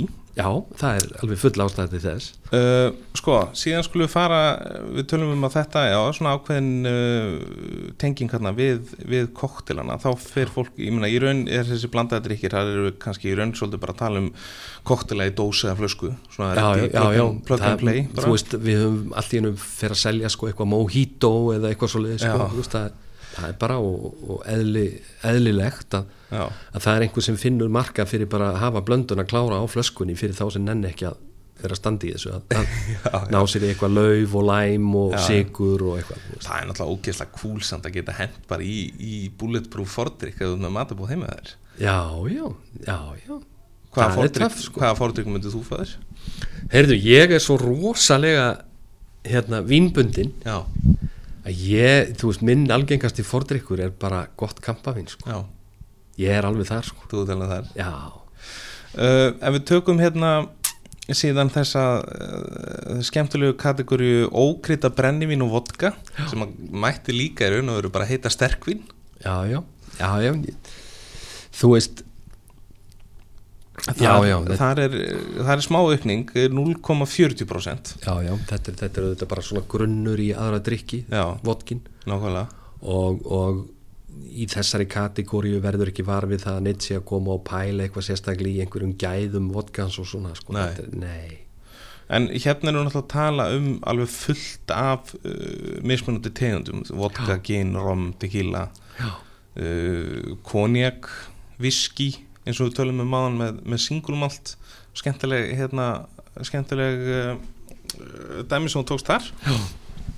Uh, hvar, ef við byrjum að vodka, er, uh, sérðu svona, og þarna er náttúrulega svolítið bara að, að leggja áherslu á þitt mat, uh, ekkert endilega einhverju sölutölur finnst þeir vera einhver aukning þar milli ára eða Nei, mér finnst hún frekar hafa, hafa dreigið saman, það var rosalega spenna í kringum þegar reyka var sem mest áberandi hérna sko. Já, og svona Íslandingar voru kannski að eignast eitthvað premium vodka sko. Mm, og það var svolítið spennandi en ég, nei, ég sé ekki neitt í því. Það er, þú veist, við, við Sveiflan manstu og Mhm. Belvedere og þetta, þetta átt að vera svona algjöra luxusvörur sko. Já, ég sé það ekkert vera þú veist, ég okkar langsölu hæsti er alltaf bara smirnofgali sko. Já nákvæmlega. Uh, Svo förum við kannski í, í næstu kategóriu sem er nú kannski svona á mestri uppleið uh, er svona steddi uppleið, það er genið. Já, gen er á svaka svingi og það er að koma ofbóðslegt magna nýjum tegundum inn núna og hægt að finna sér alls konar. Hágæða og, og, og standardgen og, og, og svo bræðbætt gen og alls, allar típur sko. mjög skemmtilegt sko. mm og er þetta svona kannski, myndur þú segja að þetta væri svo kategóriða sem að væri mest á úrvalið af þessu sterka eða sko En það, fyrir utan kannski viski Viski er viskín eru orðin mjög stór og við höfum bara markvist verið að auka úrvalið í þeim Mm. og, og erum bara orðin mjög sáttir við til dæmis það sem við eigum af einmöldungum í dag frá, Mhm. frá Skotlandi til dæmis að við eigum viski frá lang flestum svæðunum og nokkra mismunandi svona uh, já, stíla og, og góða framleiðendur og annað slíkt. Þannig að það, það hefur verið mjög gaman og ég fór hérna með hóp frá okkur síðastliði vor í ferðum Skotland sko. Já, það var mikið ævindiri sko Já. og ofsalega gaman að heimsækja þá sko að fara út á eigarnar og, og, og upp í Speyside og alveg upp í Hálöndin og, og sjá þessar mismunandi eimingastöðar og Mhm. heyra þessa gauðra tala sko af, segja okkur af hverju þetta er öðruvísi en, en, en hvað annað og svona. Já. Það var mjög fróðlegt sko en hvað, hvernig sérðu fyrir uh, eins og gin, uh, erum við meira í einhver svona prímjum, sko, erum við í London Dry stíl, eru menn ekki svolítið farnir að fara eins og tölum að koma aðeins inn á aðan með, með pink gin og, og svolítið, menn eru farnir að, að setja svona fara aðeins óhefbundæli leðir í, í þessu. Algjörlega, algjörlega og svo finnst mér líka skemmtilegt að sjá að, að fólk er, er búið að heyra af og veita af og eigðir pening í prímjumginin Mm -hmm. Það er að koma fleiri og fleiri típur af því og, og, og það er að seljast Já. það er mjög ánægilegt Mm uh, en uh, ef við förum í rom, það er sama gerast þar, það er alveg bullandi aukningi í því sko. og koma nýjar og skemmtilega tegundir inn sko. mm og rommi náttúrulega sko er að reyna að uh, vinna sér einhvern sess sko. það, það er bara þannig, hafandi, hafandi stútir að þessa sterku drikki og verið að við sennast í þessu öllu saman í öllu þessi ára þá, þá hefur fyrir mér alltaf verið sko tvær hágæða kategóriur af eimuðum drikkjum mm það er annars vegar konjakið -hmm. og hins vegar viskið já, svo er rommið að reyna að komast ángað og þá ertu með kategóriuna tunnuþróskur rom sko. mm og frá mismunandi svæðum og svona hann í Karabíska hafinu og, og svo auðvitað rom agricole sem er gert úr, úr öðru ráefni sko og, og, og frakkin er með á eigunum í Indlandshafi og svona. Þetta, þetta er svona, nú er þetta til í mismunandi típum og tegundum og er, er bráð skemmtilegt og gæðin er að aukast sko. Og það sama er að gerast sko, þú sér það bara með tequila sko. Mm menn er reyna að koma sér þar upp í Já, þú veist, meiri gæði anecho og eitthvað svona tunnuþroskað Mhm. og, og marg eimað og eitthvað svona þannig að það er allir að reyna að vanda sig sko. já, og þetta er bara partur af þróunni að drekka aðeins minna mm og aðeins betur já samanlega því talandum tequila uh, finnur þú fyrir aukningu þar? það er náttúrulega bara svo uh, ótrúlega sko mikill viðsnúningur úr, úr svona einhverju standard basic, mjög ódýru kannski svolítið ráu tequila Mm -hmm. yfir í allt önnu gæði sko. já, já, og það er það skemmtilegasta sem er að gera sko. það, það, er, það er eins og þekki bara sjálfur og úr vinahópnum sko, að einhverja skelvilegustu minningar af áfengisneislu voru gerðan tengdar skotunum úr, úr tequila sko. já, já saltið og sítrónan og allir og rosa gaman Já. til daginn eftir sko. eins og ég hef oft nefnt hérna með, oft er, er kannski sumabústaðferð eða eitthvað svo leiðis í já, þessu já, já, og einhver grænjandi já, já. oft vildi enda með skelvingu sko. já, við hérna og, og við kannski svona tökum tökum hérna á okkur hattinn bara og, og fögnum því að, að menn eru farin að spá í meiri gæður já, já, ekki spurning, ekki tökum á okkur spurning. rauðan hatt jafnvel. já, já, já.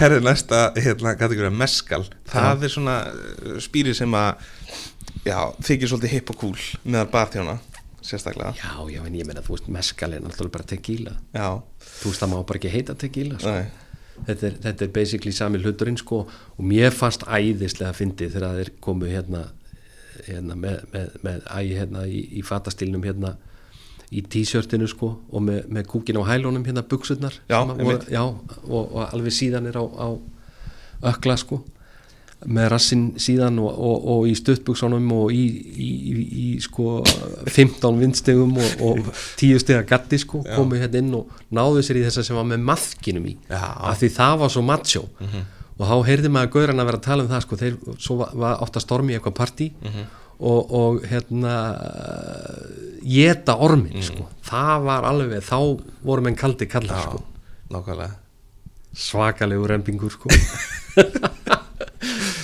en hérna, er einhver aukning í meskal þú veist, er þetta Nei. búin að ná til landans eitthvað nei, sérstaklega? nei, ég get ekki séð það nei Uh, ég held að þetta sé meira í, í, í þínum ring og Já. á börunum og svona og ef, ef, að, ef að þið ef að, ef að barþjóna fara meira að kynna þetta fyrir fólki og segja því meira frá að þið séu með einhverja meskal blöndur sko, þá þetta, kemur það svo setna meir hingað inn til okkar sko. Já, já. allt hefur þetta sinn tíma Já, það, það er svo oft sem að og, og þetta gerist bara, við finnum þetta með léttvínin sko. já, ef, ef að fólk hefur farið á einhvern veitingastað og, og, og, fengið eitthvað vín og fannst það svo æðislega gott að, að henni galanda að koma með skrifað á servéttu það sem það drakk sko Já, núna já. er mynd í símanum sko. já, já, nákvæmlega það er fyndið þróun Já, það, það er bara, þú, nú ertu með myndavélin alltaf á þér í símanum, þú varst ekki alltaf með myndavél með linsun og allt þegar þú fórst út að borða sko. Nei.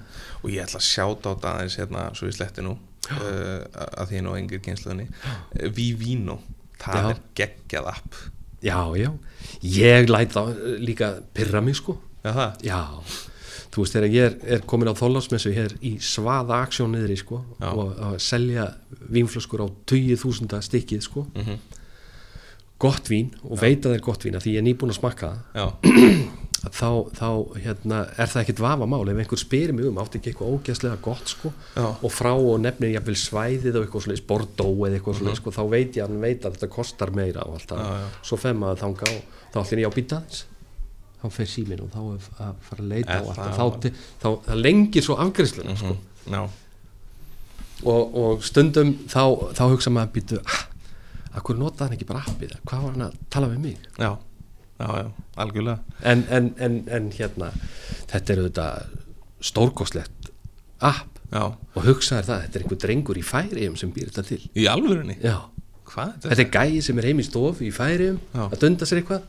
Og finnst þetta væri nú bara sniðut að vinindi gæti einhverstaðar komið saman og láti vita af því hvað bragðaðist vel og da da da. Og það verður til þetta app og þetta er nær útbröðslu út um allan heim. Þá kemur silikondalurinn til færiða og segir, heyrðu kallið minn viltu ekki selja þetta? Jú, jú, jú, og viltu ekki halda áfram að þróa þetta? Jú, ef ég fæ góð laun. Já, ég ekki máli Hann er þar núna bara. Sæll. Miljónir Já, Já, ég meina, ég sé fyrir mig bloggi hjá þér. Þú ferð þarna einhvern tíma já, já, klálega. Ég, Væsmann verður seldur til Silko Mali Já, já. Eftir, einhvern smá, smá tíma. Já, bara sína elju halda já. áfram. Algjörlega.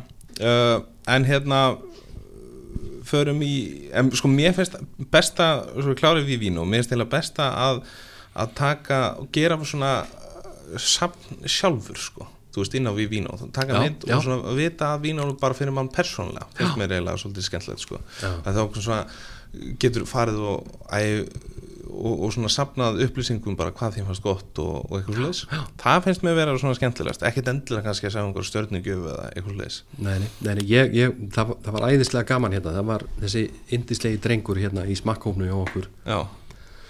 Og, og, og var sem sagt í svona miklu smakki eins og ég alla daga með okkur hérna alla mótna að smakka og svona. Og, og, og svo, svo kynnist hann þessu appi og finnst þetta öflugt sko. Já, og situr og er að smakka þetta miklu meira heldur en venjulegt fólk í, í, í smakki á hverjum einasta mótni hjá okkur sko. já, og hann fer að taka myndir og senda inn og, og, og svo fer hann að laga texta hjá þeim í, í hérna á Vivino Já. og, og leiðrétta og svona enda með færingurinn senda honum bara skilabóð Já. þakkaði fyrir sig minn, þetta var alveg þetta er geggja hjá þeir að, að leggja okkur svona lið og svona já, ok þessi strákur sko, indislegu náungi gaf hann að segja frá því að, að Sigurður vinnu minn að hann, hann nú er þessi gæja afgreða í flottustu vínbúð heims. Já, í London, já, ok, Barry Brothers and Rudd.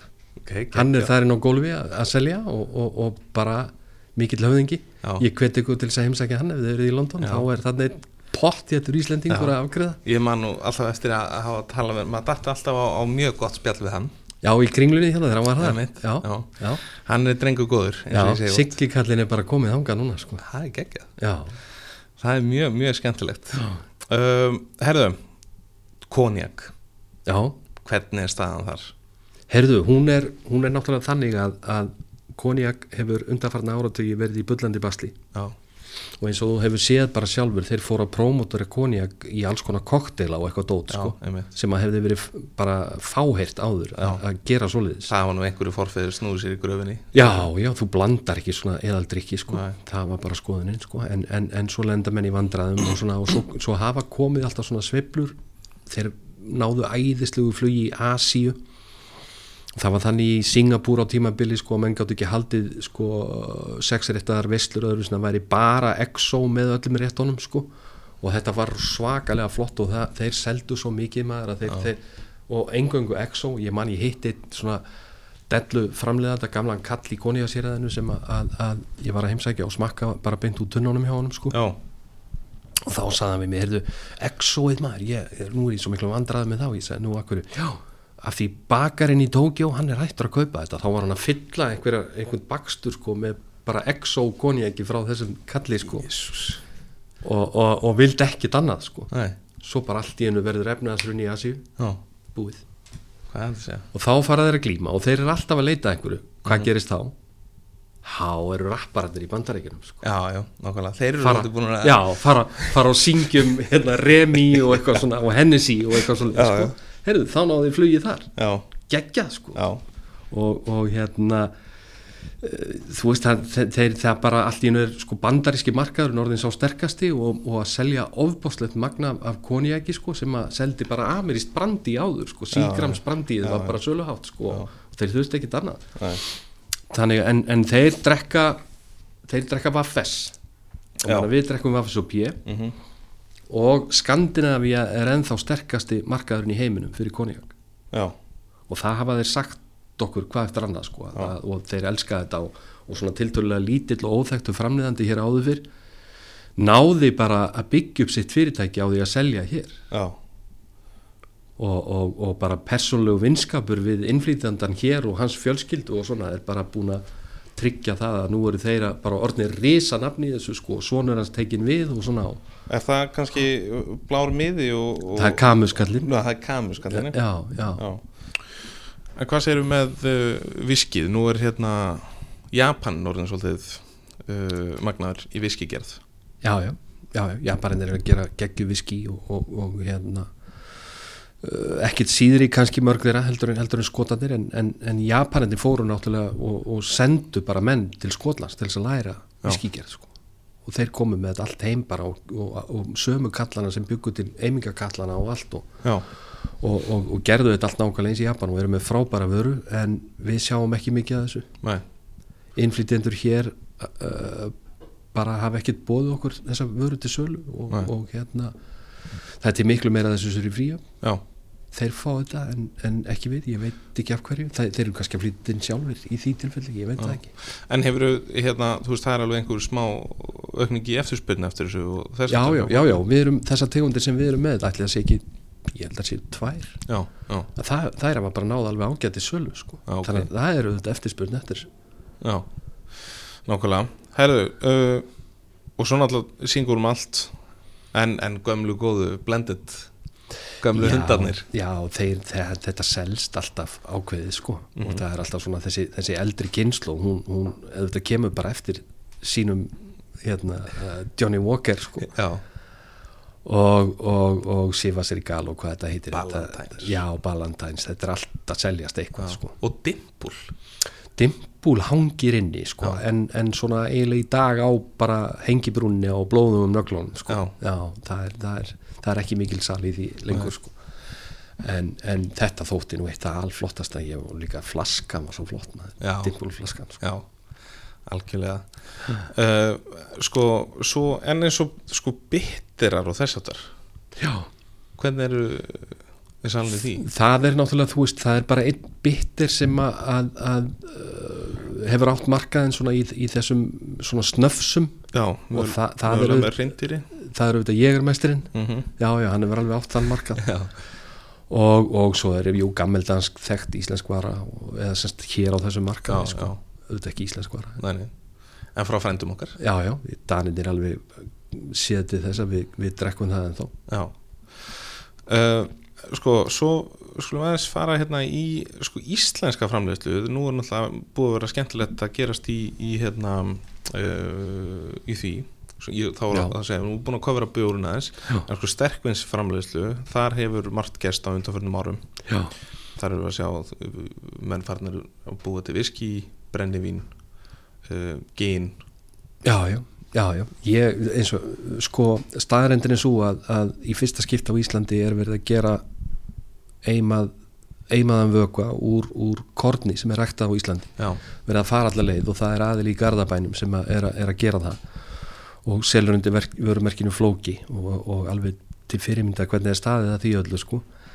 Og, og þau ger ekkit annað en að auka eimingar getuna og, og, og, og, og hafa ekki við. Og það er gríðarlega eftirspurn eftir þessu og, og hérna þau segja mér að þau hafi ekki við að fylla vörubretti til þess að keira sér í Keflavík af, af því sem þau kalla jóngmalt sem er svona óþroskað viski já, og þau eru bara að gera skemmtilega hluti og, og svo eru aðrir að, að, að, og, og, og kannski ekkit allir sem gera sig grein fyrir því að, að oppina þessari íslensku vöru er þannig að það er fluttur inn spýri og svo er hann þyndur út með íslensku vatni og sett einhver bragðeim í.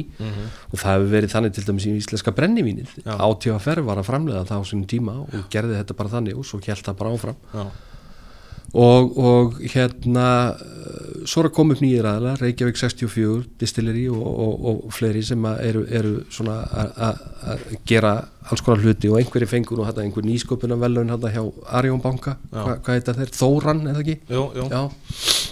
Þannig að þetta er, er margt sniðut að gerast í þessu og, og verður bara gaman að sjá hvernig það þróast á næsta árum. Nákvæmlega, fylgjumstum vel með því. Já, uh, og svo reynda náttúrulega vera að nefna hérna stórviminn hann Svenna með fyrsta íslenska sítirinn já, það er mjög skemmtilegt. Já.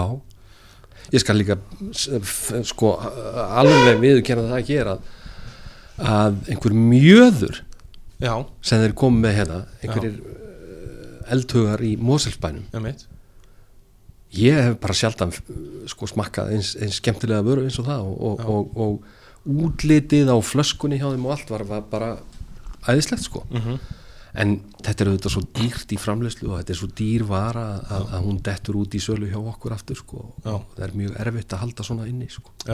En opbóstlega jákvætt að menn enn að standa í svona einhverju. Algjörlega algjörlega. Uh, sko, förum aðeins í hérna uh, vínbúðunar eru náttúrulega uh, hvað, 50 hvað talsins já, og uh, það er náttúrulega mismönd svona svolítið markkópur í, í þeim öllum að ekki jú uh, það er alltaf að þú veist sko við erum með búðir í, í, í svona minnstu þéttbíliskjörnum sem Já. eru með svo gjör ólíkt vöruval með að við Já. það sem er hér á Suðvesturhóndinu sko. Mhm. og það tengist bara því hvar og eftir hverju er einhver eftirspurð Já, sko, og, og, og við getum auðvitað ekki haldið upp í svona risa stórum búðum í þessum plásum sko. en lítum á þetta sem þjónustöðu þetta og, og, og, og hérna uh, viljum reyna að gera vel og erum alltaf að reyna að svona laga til vöruvaliðar og, og reyna að aðhæfa það betur hverjum á einu stað og núna er, er einmitt stíft svoleiðis prógram í gangi þannig að, að ef einhver á, á hérna blöndósi elskar einhverja ákveðna bjórtegunda þá sé kannski hægt að bjóða upp á hana þar og, Já, já. og, og hún sé kannski ekki svo sama og er bóðið upp á í Reykjanesbæ sko. Mhm. þannig að þú veist við erum alltaf að reyna að getur fólk óska eftir því að eftir einhverjum ákveðnum vörum í ákveðnum búðir okkar vestlunarstjórar hafa svona ákveðin möguleika á að, að taka inn tegundir já, og koma þá með tillugur til okkar og, og við reynum að finna eitthvað út úr því í, í, í samstarfi. Ok. Hvað er svona skemmtilegt, getur þú nefnt einhver dæmi um, um svona áhugaverðar vörur sem hafa náða einhverjum á, ákveðnum árangri á, á ákveðnum hérna, stöðum, svona út á landi? Nei en, en sko ég get alveg sagt þér hvernig við bregðumst við og svona það, ímynd, ímyndaður svona dæmi eins og þjóðátti í Vestmanni já, já, nákvæmlega. Það er bara alveg big time sko og menn eru bara búin að læra af reynslunni þar að, og þar koma óskir um að, að, að frá íþróttafélagunum sem er að halda þetta bara og, og íbúum þarna, og þeim sem er að vinna við, við, við hátíðina sjálfa að vera ekki að láta fólk vera að dröslast um með þetta í flösku. Já, hvort það sé geta komið með þetta í dós. Já, já. og það er alls konar svona hlutir sem að já, já, er verið að hjálpa til við sko. já.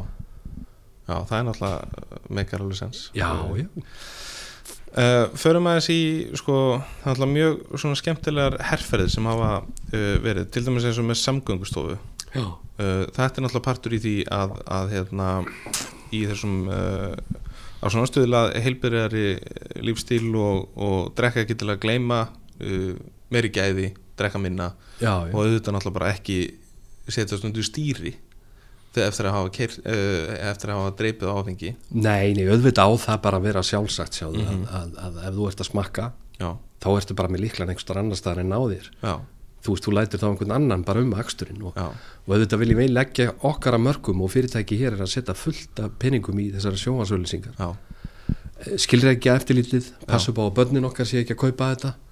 Og, og, og samgöngustofa og við erum að reyna að, að, að selja fólki margnóta póka og Einmitt. gera svona það sem við getum og, og, og, og svona stíga inn í þetta nýja umhverfið þar sem er sífælt verið að gera meiri kröfu til þess að fyrirtæki séu sko, í, uh, já, jákvæði í sínu umhverfi sko, og geri góða hluti sko. já einmitt þessi talandum eins og póka, þeir eru mjög sniðir. Já, þeir eru með hólf já, fyrir vínflöskur. Já. þetta er mjög, mjög skemmtilegt. Já, já, það er búið að reyna að elda upp í svona og, og, og, og, og, og gera eitthvað sem, að, sem allir eru sátti við að, að, og mengar minna og allt það. Þetta, er samfélagslega ábyrð heitir þetta. Já, og talandi um, um, um hérna skilur ekki eftirlitið, ég er til dæmis alltaf mjög ungur í, í minni um búði hafnafyrði þátt fyrir að segja að kom- komin 11 ár í að, síðan ég mátti kaupa áfengi en, en þá er ég yfirlega spurðinu skilur ekki alltaf spurður skilur ekki bara Já, já. já, gott hjá þeim í hafnafyrði sko. ég er mjög ánað með það og, og ég tek því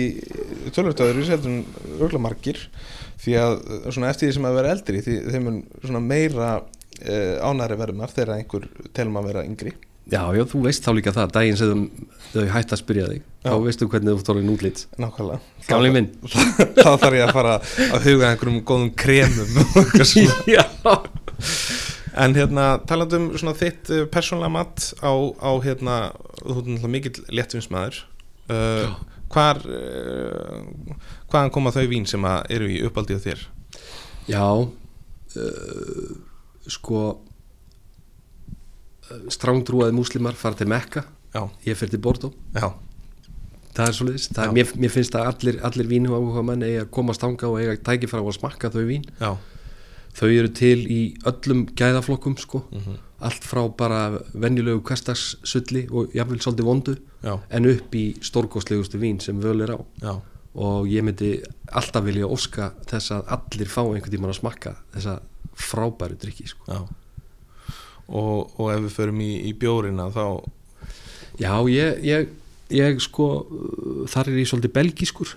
Ég ná, fór þangað og var að kynna mér bjórgerði í Belgíu og, og, og, þetta var bara upplifun. Já, ég hef sjaldan lært eins mikið eins og að fara í, í, í svona bjórferð til Belgíu í einhver klaustur Já, sem einhverju munkar er að gera eitthvað svo spes að, að, að, heimurinn bara gapir sko. Já, og svo er þessi þjóð þannig að hún, hún hérna, er með sér glös undir hverja tegund og það er hver, hver bær er með sitt brugghús og, og hugsaðir sko ef þú, þú horfið til þess að, að í, í hérna, heimstyrjöldunum já, til þess að, að eins og setni heimstyrjöldin þegar Hitler fórum og, og, og stál uh, öllum málmum allstaðar Já. í löndunum í kring til þess að- nota í vopnin sín já, þá voru þeir náttúrulega með einhverja eimingakalla úr kopar hana Já. rándýrt eh, hérna, ráefni í þessu sko. Já, hvað gerðu belgarnir? Þeir gróðuð allt niður. Já, þetta fór allt neðanjarðar. Þetta var bara falið neðanjarðar og mokað yfir sko. Svo að þegar Hitler var, var hérna brotin á baka að þá gróður bara græðunar upp aftur og byrjuðu að búa til bjóra á ný sko. Algjör snild sko. Já, það er alltaf geggjað, geggjað í Belgíu. Og, og einmitt líka, ég var nú þarna bara í desember og, og svo skemmtilegt að sjá að þeir eru í minniglösum. uh, þú veist, þeir eru ekkit endilega í því að, vinna í einhverjum hálslítra glösum, þetta er frekar í, í smæri glösum Nei, þú þarfst að hoppa yfir landamæri til Þýskalands til þess að fá sko líters kúsinnar hérna. Þá, þá stækkar ummálið tölumver Já. uh, hérna, þannig að það getur við sagt að þetta sé svolítið mekka bjórsins? Já, mér finnst þetta æðislegt sko en, en svo náttúrulega eru ofsalega skemmtileg vara að koma frá bandarengjunum líka. Mik, mikið af þessum kraftbrúur í Já, og svo er bara indislegt að fá sér einstakarsinnum brestöl, bara bitter öl sem er, er einhver fjögur, fjögur og hálft prósent, bara létt og æðislegt sko. Nákvæmlega. Uh, En koktelar uh, uh, Hvar stendur þú þar? Heyrðu, bara premium gin og tónik. Já. Innpakkaður, jafnvel? Já, í nokkrar gúrkusneðar Já. Það er náttúrulega snild Já, það, það, það, veist, þetta, þetta, var, þetta var svo gaman þegar krakki, krakkinu var að gera þetta sko. Þetta er briljant En hann var ekkert að setja slauf á þetta Nei, það, það var nú ekki. Þegar hann var búin að pakka hann á minn Nei, nei, þetta voru bara gúrkusneðar en, en þvílít magna gúrku. Ég, hann, þessi, þessi elska fór með bara heila gúrku í einn djöfisins drikk sko. Þetta er snild uh, Hérna Sko, varandi aukningu á þessu ári Sérðu fyrir endanum á á, hvað ég var að segja þessari freyðimins aukningu til dæmis erum við ennþá að, að fara í þá átt? Fyrir þetta eftir veðri? Já, veðri ræður auðvitað miklu en ég sé ekki fyrir mér að þessi freyðinsbylgja sé neitt að detta niður sko. ég held að, að bara eins og þú sagði réttilega áðan að, að það er til svo fullt af öðrum mm -hmm. freyðivins koktelum eða spritserum, það er ekki bara þessi nokkulega þannig að ég sé það alveg fyrir mér að Íslendingar séu bara búin að læra inn á þetta og, og, og, og að það haldi áfram. Svo að þetta mun veðri ráða þessu. Já, og talandi um eins og, eins og líkjöra að, að þú veist, að pröfa bara að blanda þessu saman á nákvæmlega hátt og nákvæmlega sama hátt og gerir með Aperol Spritz sem pröfa mismöndi líkjöra Já, ég, ég meina og, og, og vera bara líka sko kresin á það þá ég veið sko að kaup ekki svona essensa drasl sko Já, heldur eitthvað með orginal bragði sko. Það er svo stór munur á því sko. algjörlega, Þú veist, algjörlega. það, er, það er líka til ógæslega vondir líkjörar og góðir sko. Þetta er allt náttúrulega partur í því að, að, hérna, að um, auka, auka gæði. Já, stúdera, læra og, og drekka betur sko. nákvæmlega. Við að hafa þetta loka orðið uh, í þessum þætti. Uh, Gísur, hrikalega gaman að fá þig í þáttinn. Já, þakka þér fyrir. Og bara takk fyrir komuna í, í Happy Hour. Herðu, sömulegðis minn Takk fyrir Þar hafið þið það, kæru hlustendur, Happjör verður ekki lengra að sinni. Nú eh, vil ég endilega minna ykkur á að inn á eh, væsmenn.is er hægt að eh, fylgjast með öllu því nýjast og helsta sem gerist í koktel heiminum. Svo er væsmenn auðvitað bæði á Facebook og eh, Instagram og eh, svo eh, er verðt að taka það fram að Happjör er líka fánlegt á Spotify og öllum helstu hlaðvarpsveitum. Nú uh, endilega svo skræpið og hendið í uh, stjörnur á um, væsmenn og þá fáið þið einmitt líka tilkynningu um það þegar nýr þættur, þáttur er komin í loftið. Nú næsti þáttur kemur eftir helgi og uh, það verður spennandi þáttur þar sem að uh, við hugum að heilsunni svo að fátt eitt nefnt. En eigði góða helgi. Þanga til næst. Wise Men Out